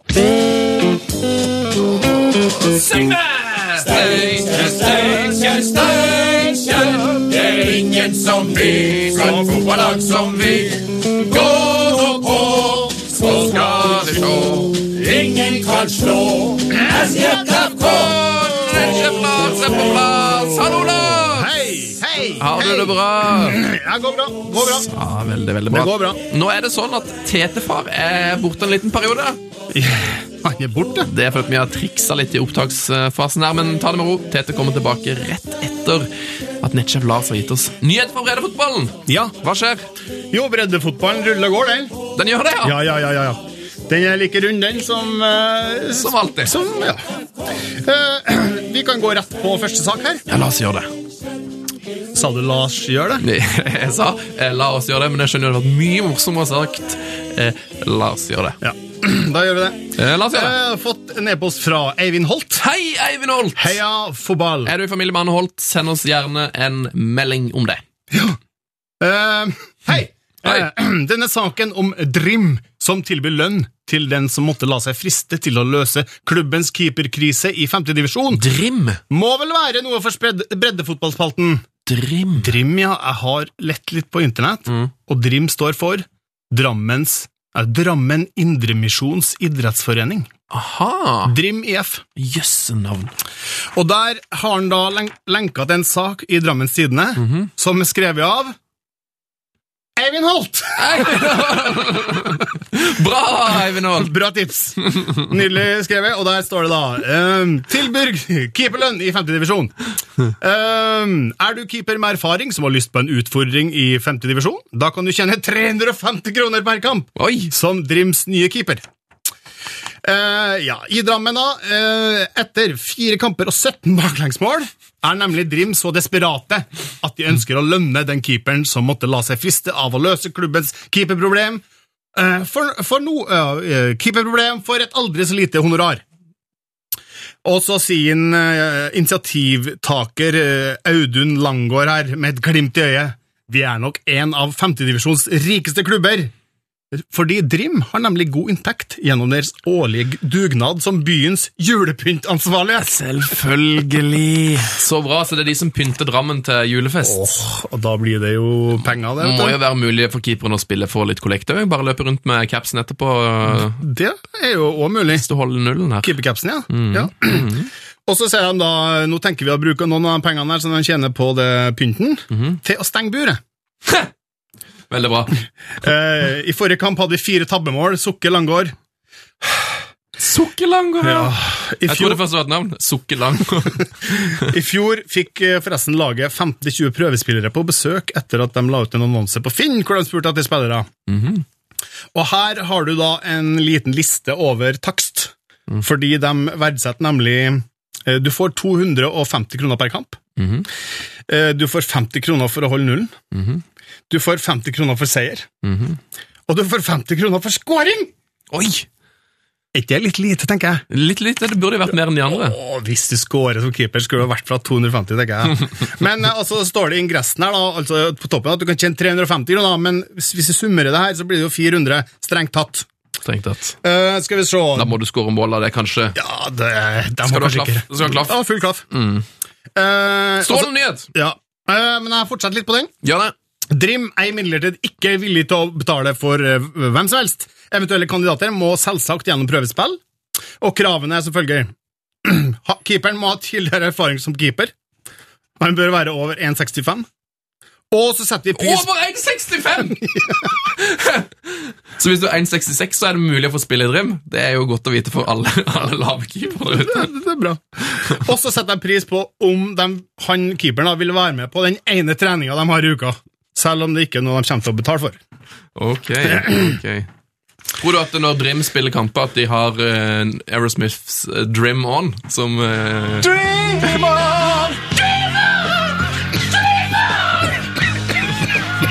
Jeg tror faktisk det når du sier det. Jeg håper det. Vi går videre til neste sak. Det gjør vi. Helge Halstrand Hei, Helge. Tipser oss om dramatikk og hærverk i breddefotballen. Veldig bra. Jeg må si, jeg må si det til alle som sender inn. altså. Utrolig bra at dere gir oss så mye mail. Fortsett med det. Heia fotball, krøllalfa, nrk.no er vår adresse. Det er så nydelig. Vi kan jo ikke lese opp alt, men vi tar nå kremen her, da. Og så sier eh, Helge her Hei, det syder av følelser i toppfotballen, og ting går hett for seg innimellom. Her er en sak som beviser at det kan smelle i breddefotballen også. Men heldigvis kan ting ordnes når gemyttene har roet seg. Og så sender han med lenke til da driva.no, som er lokalavisa i Romsdal og, og Nordmøre. Driva? Og, driva og -hmm. Her er tittelen 'Tilgir Brakstad for stolsparket'. Sølvi Bergseth tilgir Arnt Erik Brakstad for at han sparket i stykker stolen hennes i frustrasjon over rødt kort under en fotballkamp i Eidsvåg. Jeg liker alt med den nyheten. Eidsvåg er da i fjerde div. Ja. Eh, uh, og det var videre her Det var under en heimekamp mot Elnesvågen at Arnt Erik Brakstad på fjerdedivisjonslaget mistet besinnelsen et øyeblikk etter å ha fått rødt kort. Da han kom utover banen, sparket han til en stol som sto like ved gjerdet, som fløy opp i lufta og knustes! Det var Sølvia Bergseth som eide og brukte stolen under fotballkamper på hjemmebane. Hun, ja, Sølvia, altså. Hun er fotballentusiast og stor lokalpatriot som heier og roper på Eidsvåg under alle lagets hjemmekamper. Og så sier Brakstad, han stolsparkeren, hun er den publikummeren som har flest oppmøte av alle, og er veldig engasjert. Går etter gulvet, da. Spørs om det blir ikke nedrykk vi, da, hvis de fortsetter sånn. Men ja, altså, jeg eh, tenker, Hun er jo en såpass god supporter, og så heter hun Sølvi, at hun kanskje på et eller annet tidspunkt kan oppgraderes til Gulvi. hun er nok en gullsupporter, ja. Ja. Hvis det er det mener. Det, det var der jeg ville. ja. Jeg er enig. Hun tok jo sølv i NM i 1969. Riktig, Sven! Det var 69 der. Beklager at jeg avbrøt der. Ja da, det går bra. Der så vi alt. Eh, Brakstad sier i ettertid at han ikke mente å ødelegge for noen, selvsagt, og angra umiddelbart etter han har gått løs på stolen. Jeg var veldig frustrert akkurat da, og det var en impulsiv handling, og jeg tenkte ikke over at noen eide den. Dette skal jeg unngå i framtiden, sier han til Driva. Eller Driva. Han ville gjøre opp, øh, opp for seg, og det har han da gjort. Han har sagt unnskyld til Sylvi, eller Gulvi, da. Kjøpt ny stol, sammenleggbar stol med flaskeholder. Yes! Og så spør avisa, da. Sølvi, er du fornøyd med unnskyldninga her? Ja, ja, ja, det er kjempebra, alt er greit, han har bedt om unnskyldning, alt er tilgitt. Og samtidig så uttrykka forståelse for Brakstad, nemlig, at han var fortvilt, fordi hun sier Jeg synes dommeren avgjørelse var urettferdig og overdreven, og jeg synes bruntrøyene, som Eidsvåg har tydeligvis brune trøyer, fikk tildelt flere kort enn de andre, og det reagerte jeg kraftig på. Jeg ble selv irritert, og dommerne må roe seg ned, sier hun. Sier hun. Veldig bra, gulv. Veldig bra. Og Veldig til slutt altså, må jeg bare påminne resten av folkene i Eidsvåg Sølvi syns at dere må komme og heie på kamp. Det er altfor lite ja, folk på kamp. Møt opp på bredde, breddekampene, det er viktig. Uh, vi må bare oppsummere da, tilbake til uh, Haltstrand, Helge Haltstrand sin e-post her. Ja. Saken kan vel oppsummeres med kolon. Breddefotballspiller fikk rødt kort, ble sint. Sparket i stykker stol til en tilskuer på tur bort fra banen. Tilskuer ble lei seg. Fotballspiller unnskyldte seg og kjøpte en ny stol med kappholder. Og alle var enige om at det røde kortet var urettferdig. Dommeren må roe seg ned, og flere må komme på kamp for å heie. Godt oppsummert. Så kan vi prise oss lykkelige at Sølvi ikke satt i stolen nå når han sparka. Ja, gud bedre Hva som har skjedd da? Det hadde det, hadde det vært uh, Da hadde det blitt blåveis på Sølvi. Det. Det var den. Da går vi videre. Skal vi ta en siste breddenyhet, eller har du, ta- har du flere? Yes, har en til. Um, Lars Kristian Austnes Hei, Lars! skal tipse oss om en breddefotballegende som mm. han vil hylle her. Heia fotball, Sven, Tete og Lars. Heia Hei, fotball. hei, hei, fotball. Det er Tete hilser. Ja, han gjør det. Uh, så, denne mannen må hylles i deres breddefotballspalte. Mm -hmm. uh, og det er altså en mann som ikke bare han, men hele Godøy IL vil hylle, for det er både fra han og Godøy sitt A-lag. Ok. Godøy da er Det er, det er Sunnmørskysten. Er det han som har spilt så besatt med kamper? Ja, ja, ja, ja, ja, ja! 500 Herregud. obligatoriske kamper på seniornivå. En helt vill prestasjon, sin uh, Lars Kristian her. Spesielt med tanke på at breddefotballspillere stort sett spiller seriekamper, og kanskje en og annen cupkamp innimellom. Ja, De spiller jo sikkert bare 20, 20 kamp, 25 kamper i år, kanskje? Ja, sant? Eh, Svein Arve her har vært trener, hjelpetrener, spillende trener, kaptein, visekaptein og ikke minst bærebjelke for både Godøy IL, Skarbøvik, IF, i alt fra andre, tredje, fjerde, femte og sjette divisjon. Hadde, hadde vi hatt sjuende divisjon på Sunnmøre, hadde han sikkert fått noen kamper der. Fra disse spillerne han minner da om disse spillerne må møte på dugnad, skaffe barnevakt, betale lisens, aktiv kontingent, være instruktør på fotballbanen, levere ut flygeblad i postkasser, bla, bla, bla. Nå har du gjort dette i over 20 år, og nå fortjener du en hyllest for innsatsen. Svein Arve Alnes, aka Shaun, er en legende i sunnmørsfotballen, og har foreløpig ingen planer om å legge skoene på, sine, på hylla med det første. Sean Alnes. Hyll, hyll og heia fotball! Hyll, hyll. Jeg så Frode Alnes i stad. Kan eh, Det er en liten Ja, det kan være bisetning. Kanskje det er broren. ja, det er helt sikkert i slekt. Veldig bra! Fin hyllest. Eh, Er det noe mer som må nevnes fra breddefotballen helt til slutt? Helt til slutt eh, Nei, gå ut og se breddefotball. Mm. Og velkommen tilbake til Tete. Hvor er han? Han, Jeg tror han er bak den jinglen her. Hei!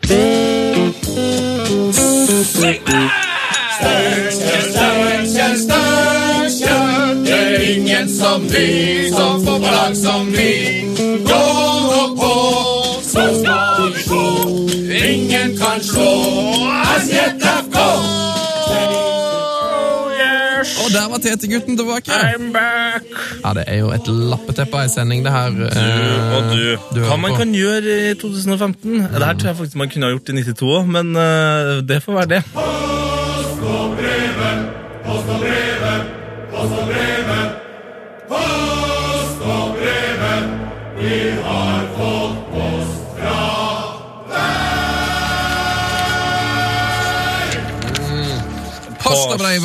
breive. Det, jeg tror det har blitt nevnt før, men nå la jeg virkelig merke til det. For det er jo da Svartlamoen Hardcore som synger Post og brevet-jingeren. eh, men for meg eh, nå, eh, og sikkert eh, i eh, overskuelig framtid, så er det nest så å si bare Lars som synger. Altså, det, jeg, hører, jeg hører stemmen til Lars. Ja, Du hører veldig mye eh, Lars i den jinglen. Det er Fader, han synger høyt. Han synger veldig høyt. Fått et veldig fint posterbrev denne uka her. Uh, hvis du har lyst til å sende oss brevet, så er vår, vår e-postadresse heiafotball.krøllalfa.nrk.no. krøllalfa, nrk.no. Nå har vi fått mail fra Guttorm Syvertsen. Åh! Segunda Sekundalage-eksperten. Det er vår Segunda Leish-ekspert. Eh, Han vet alt som rører seg eh, på eh, litt nedover i systemet i portugisisk fotball. Det er mye som røder seg der. Det er det, vet du. Den ligaen i verden med mest røde kort, vil jeg tro. Ja. Eh, Guttorm skriver en liten teaser før siste serierunde i Segunda Leish. Han kommer rett og slett bare med litt statistikk. Mhm. Det er blitt spilt 540 kamper i Segunda Leish. Ja. Det har blitt skåret 1320 mål. ja, det er ganske greit, det òg. Det har blitt delt ut 1459 poeng. Åh. 2841 gule kort. Nei! Det er mer gule kort enn mål! Mye mer!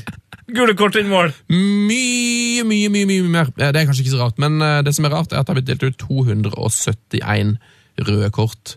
Det, På hvor mange kamper, sa du? det er et, eh, på to, 540. Det betyr at det er et snitt på 0,5 per kamp. Herre.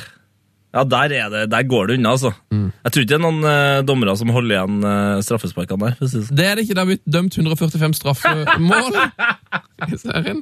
Uvisst det er mange som bare har vært bommer på det, så har jeg sikkert delt ut mange flere straffer. Jeg ser for at de bommer mye i sekunder. Ja, ja, ja. Um, Sikkert med vilje av og til òg. Så er det sånn at Før siste serierunde så er det fem lag som kjemper om opprykk.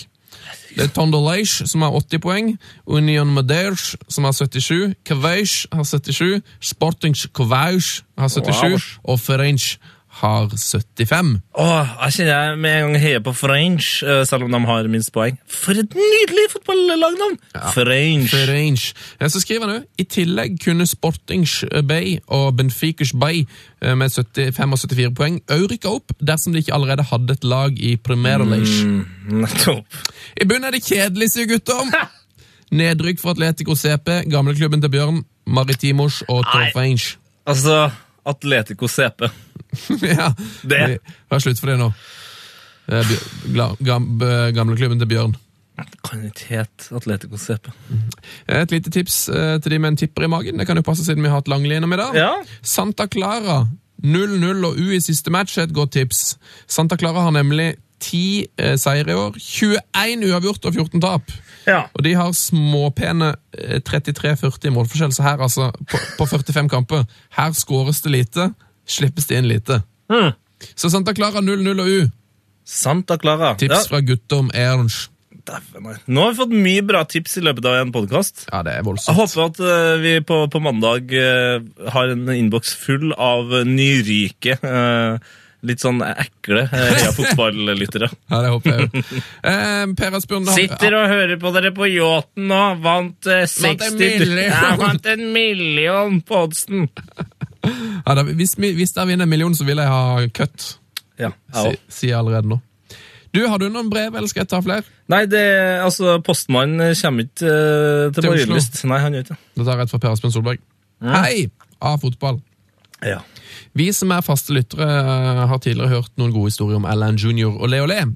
Og husker med glede hans vellykkede prøvespill i Basel, som riktignok ikke endte med at han ble signert. Neida. Litt i det skjulte har han bygd opp det som må være en slags rekord i Norge, hevder Per Asbjørn. Nå er det på tide å få denne rekorden fram i lyset. Foregående helg spilte Olé Olé 31 minutter uten å få gult kort. Oi! Dette er den første offisielle kampen for Brumunddal hvor kameruneren ikke får kort! Han har plukka opp fire gule på sine fire første kamper. Dette er i seg selv ikke så ekstremt, men i Byåsen, hans forrige norske klubb, avsluttet han med hele åtte gule på seks kamper! Han ble altså utvist to, to ganger på de siste seks kampene. Med det er altså Ole Ole oppe i tolv gule på sine siste ti kamper. Det, det, er jo, det er jo helt fantastisk. Det er vakkert. For den, for den fantastiske rekken nå altså ble brutt, det må vel være rekord, spør Per Asbjørn. Det kan jeg ikke svare på. Nei, Eh, Det er det sikkert ikke. Nei, det er nok ikke det, men det er såpass godt. Og det jeg tenker med en gang her nå, er jo at hvis han fortsatt er sugen på et utenlandseventyr, så jeg, vet jeg jo hvilken liga som eh, passer han. Ja. Det er bare å gå rett til Segunda Leige. Atletico CP, hvis de ikke rykker ned, da. Ja. Jeg kan kanskje gå til Ferenc hvis det gikk rykker. Ah, Ferange! Ole ole på Ja, det er vakkert. Ja, det er. Jeg tar et siste brev jeg heter. Gjør det. Dette er kort, det er fra Alexander Svenning. Hei! Alexander Svenning. Han skriver en av mine favorittting her i emnefeltet. Drakt nummer 69. Ja, det er gøy. Har lagt merke til deres fascinasjon for tallet 69. Ja. Det fikk meg til å tenke på min gamle klassekamerat Chris Boner. Se bildet, så har han lagt med et bilde her, da. Av klassekameraten. Ja, Eller en eh, boner. eh, av hans klassekamerat Chris Med boner? Nei, han er ja, eller, hør, Bare hør etter. eh, lagt med et bilde Fikk meg til å tenke på min gamle eh, klassekamerat Chris Boner, som selvfølgelig hadde draktnummer 69. Dessverre ikke i fotball, men i lacrosse. Uansett meget gøy! Og det er helt sant, Alexander Svenning. Det er helt sant. Det er meget gøy å ha drakt nummer 69, Boner. Så han har lagt med et bilde som jeg tror kanskje kommer til å dukke opp på vår Instagram på sikt. Det er et bilde av Chris Boner med drakt nummer 69 eh, og Boner på lacrosse-trøya si. Herre min hatt. Det var eh, post og brev. Fortsett å sende oss brev med heiafotballkrøller fra nrk.no. Nå skal vi til en eh, spalte som er din, Tete. Å!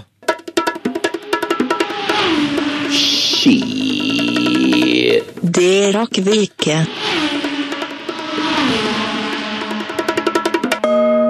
Det stemmer. Velkommen til Skitte rakkvikke. vi rakk ikke å snakke om at United står med 69 poeng foran siste serien. 69 der, altså. Vi rakk ja, Det er skikkelig dritt, altså. Vi rakk heller ikke å snakke om at 84 år gamle Frank Lovey datt ned fra podiet da Melbourne skulle få trofeet for å ha vunnet A-league i Australia. Nei! Vi rakk ikke å snakke om at Phil Jones løp som Gollum og takla med ballen eh, med hodet langs bakken og gresset i kampen mot Arsenal. Hvordan i alle dager klarte vi å glemme det? Vi rakk ikke å snakke om at Rade Prica, den 34 år gamle svensken, skåra hat trick og ble den store helten da Makabi Tel Aviv slo Hapoel Bear Sheva 6-2 i den israelske cupfinalen. Hapoel Bear Sheva. Vi rakk heller ikke å snakke om at Wayne Rooney har kjøpt seg, med sine mange tusen millioner, en uh, campingvogn. Og helt til slutt, i Skitt rakk vi ikke, så kan jeg bare fortelle om en liten søt og fin ting. Vi rakk ikke å snakke om at Tromsø-spilleren Jonas Johansen måtte sy fire sting etter å ha svimt av og gått rett i gulvet på fødestua.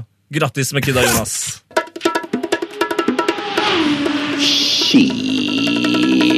Det rakk vi ikke.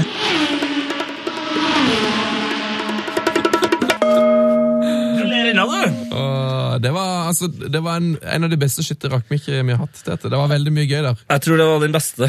Eh, nå, nå har liksom alt eh, kommet på plass. Eh, jinglen er der. Eh, skyt er der. Eh, og ikke minst eh, innholdet. Infoen. Innholdet er jo eh, det som, som ofte kommer til slutt. Enn at ikke vi rakk å snakke om alt det her. Sånn som han som datt ned fra den der Fra podiet i ja, Frank, ja. Frank Lowe. Det er jo helt sjukt. Eller at altså, mm, mm, altså Jonas Johansen. Mm. Det er jo litt flaut, da. Men vi kan jo ikke snakke om det! Vi rakk ikke ikke snakke om det. Min dame og herrer, eh, det er nemlig sånn at eh, du kan finne fram telefonen din og stikke inn på Instagram og vinne en Heia fotball-T-skjorte! Oh yes! Gjett karrieren heter vår quiz, og den ligger ute på vår Facebook og på vår Instagram eh, som regel. Eh, Jeg må gjøre deg oppmerksom på at det er veldig fordel hvis du svarer på e-post der, og ikke i kommentarfeltet. Ja, det er veldig viktig. Det er faktisk ikke bare litt viktig, det er kjempeviktig. Den quizen ligger ute på vår Instagram. Der heter vi P3 Heia fotball. Veldig veldig hyggelig hvis du følger oss der. Vi har Tete, denne uka her runda 4000 følgere. Hjelpes meg! Topp stemning! Eh, hvis du hadde fått eh, valget mellom å feire med å dra ut og se kamp med Morten Langli og ta deg et par spill, eller å se kamp med Ivar Hoff og ta deg et par pils, eh, hva ville du ha valgt? herregud! Nei, nå må det bli Langli siden han nettopp var her. Men han skrøt jo veldig av Av det, å ta seg, og ja, og det å ta seg et par eh, Men altså, han skriver også veldig av å ta seg et par spill til Ja, kamp. ja, men det høres ut som han gikk i pluss, eh, som regel. Så jeg tror jeg har tatt et par spill med han, tror jeg er jo bare kos. Ja, Da syns jeg du skal gjøre det. Eh, Tetefar, Ja. Skal vi kåre en vinner av forrige ukens konkurranse? Hvem vant Heia Fotballs unike T-skjorte? Du, eh, eh, sist uke så gjorde jeg det veldig vanskelig for eh, lytterne. Eh, litt med vilje, men jeg la inn et lite hint. Eh, og det var det faktisk en som eh, forsto. Og det er jo utrolig bra. Så Anders Kipsgård, jeg tror det er sånn det skal sies, Kibsgard, Kipsgård, han har vunnet fordi han eh, lister opp altså en haug med spillere som har spilt for eh, begge lag, men han skriver også når det gjelder eh, overgjerdet fotballtalent, er det vel snakk om Mark Carr. som var- FM-legenden. Ja, fantastisk! I CM01-02, kanskje det beste CM-spillet noensinne. Meget imponerende at eh, de klarte dette. Jeg hadde, jeg hadde altså ikke sjans i havet på ukas quiz. noen ganger så skal det være vanskelig, noen andre ganger skal det være lett. Jeg tipper det blir en lett en eh, neste gang. Time will show. Gratulerer med T-skjorte, eh. Mr. Kipsgård.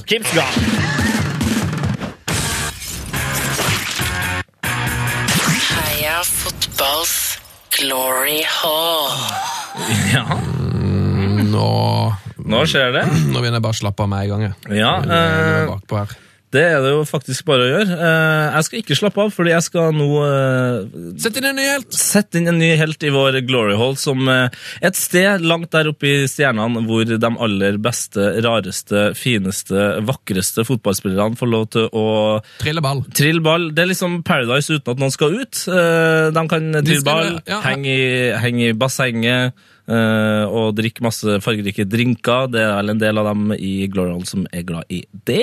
Ronaldinho og for eksempel. Det er en Paradise uten eh, Du blir ikke fyllesyk, eh, og Nei. det er ingen må ut, og det blir bare stadig flere. Ja, det, det blir utrolig fullt på det hotellet her. Hvem er det som er der? I Eh, Glory Hall, altså. Jeg nevnte eh, akkurat Gazza og Ronaldinho, men eh, jeg kan også melde om at Myggen er der, Mm. Sigurd Rushfeldt og ikke minst eh, Maldini. Tror faktisk også at eh, Gabriel Bastistut er. Tror du det, ja. Ja, det tror jeg. Nå er det på tide å sette inn en ny helt, eh, og æren er din, Tete. Hva Ja. skal, vi, hva skal vi få servert i dag? Du, i, i dag så skal vi få en uh, lytterhål. Ny lytterhål! Ja, det skal vi faktisk. Eh, Og eh, det som er problemet mitt her nå, det er at jeg skulle si hvem som har eh, sendt inn her. Men eh, nå har jeg liksom Det var ikke på arket likevel. Var det ikke på arket? Men der tror jeg faktisk jeg har funnet det. Det er da Anders Nei, Andreas Fabio Overå Hansen. Nei, i alle dager! Ja, heter han, Andreas Fabio? han heter Andreas Fabio Overå Hansen. Overå! Overå Hansen. Og han er overå? Ja. Han er Overå. Uh, han har også skrevet en helt ekstremt uh, fin uh, glory roll. Tror jeg, fordi jeg må innrømme, jeg har ikke lest den. Den ser bare utrolig fin ut. Og så har han uh, vært så ryddig at han sier hvis dere starter opp Forest Gump-musikken på andre avsnitt, så skal det passe rimelig perfekt.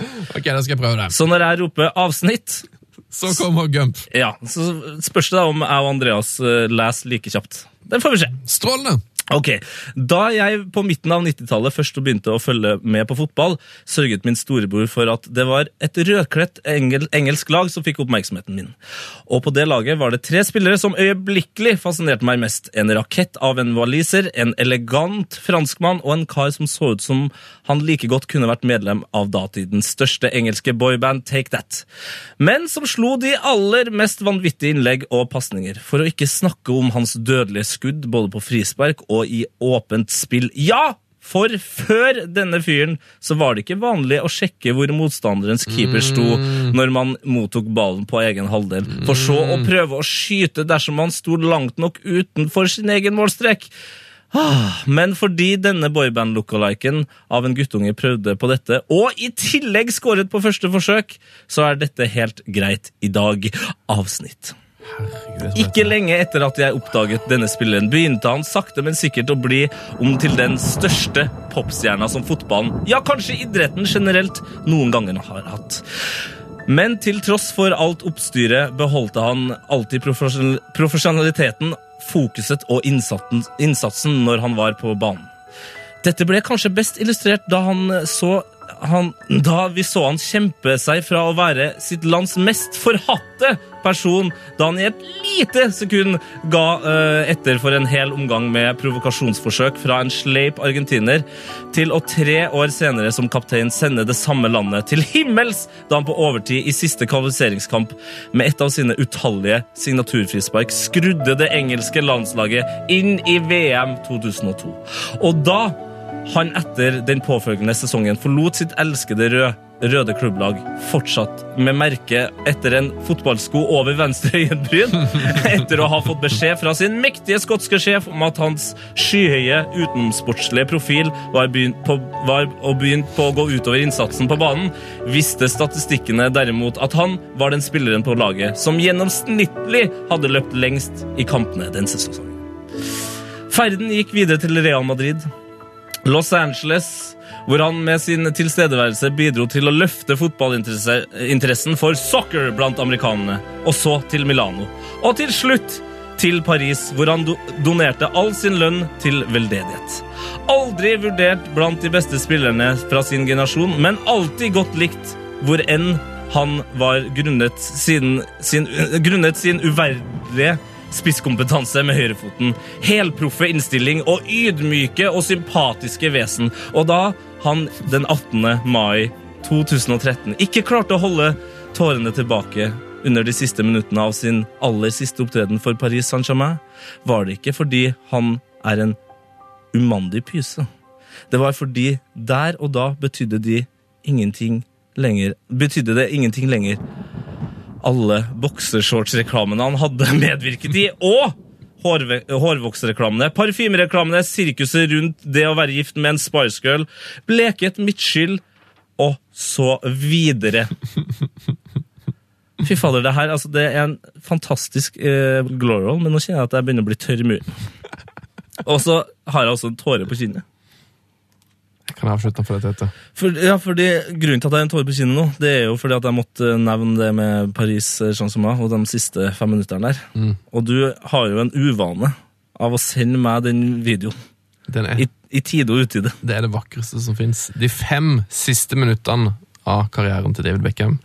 Det fins på YouTube. Eh, Du finner det jo på vår Twitter. Det er, det er altså så vakkert. Velkommen inn i Heia Fotballs Glory Hall.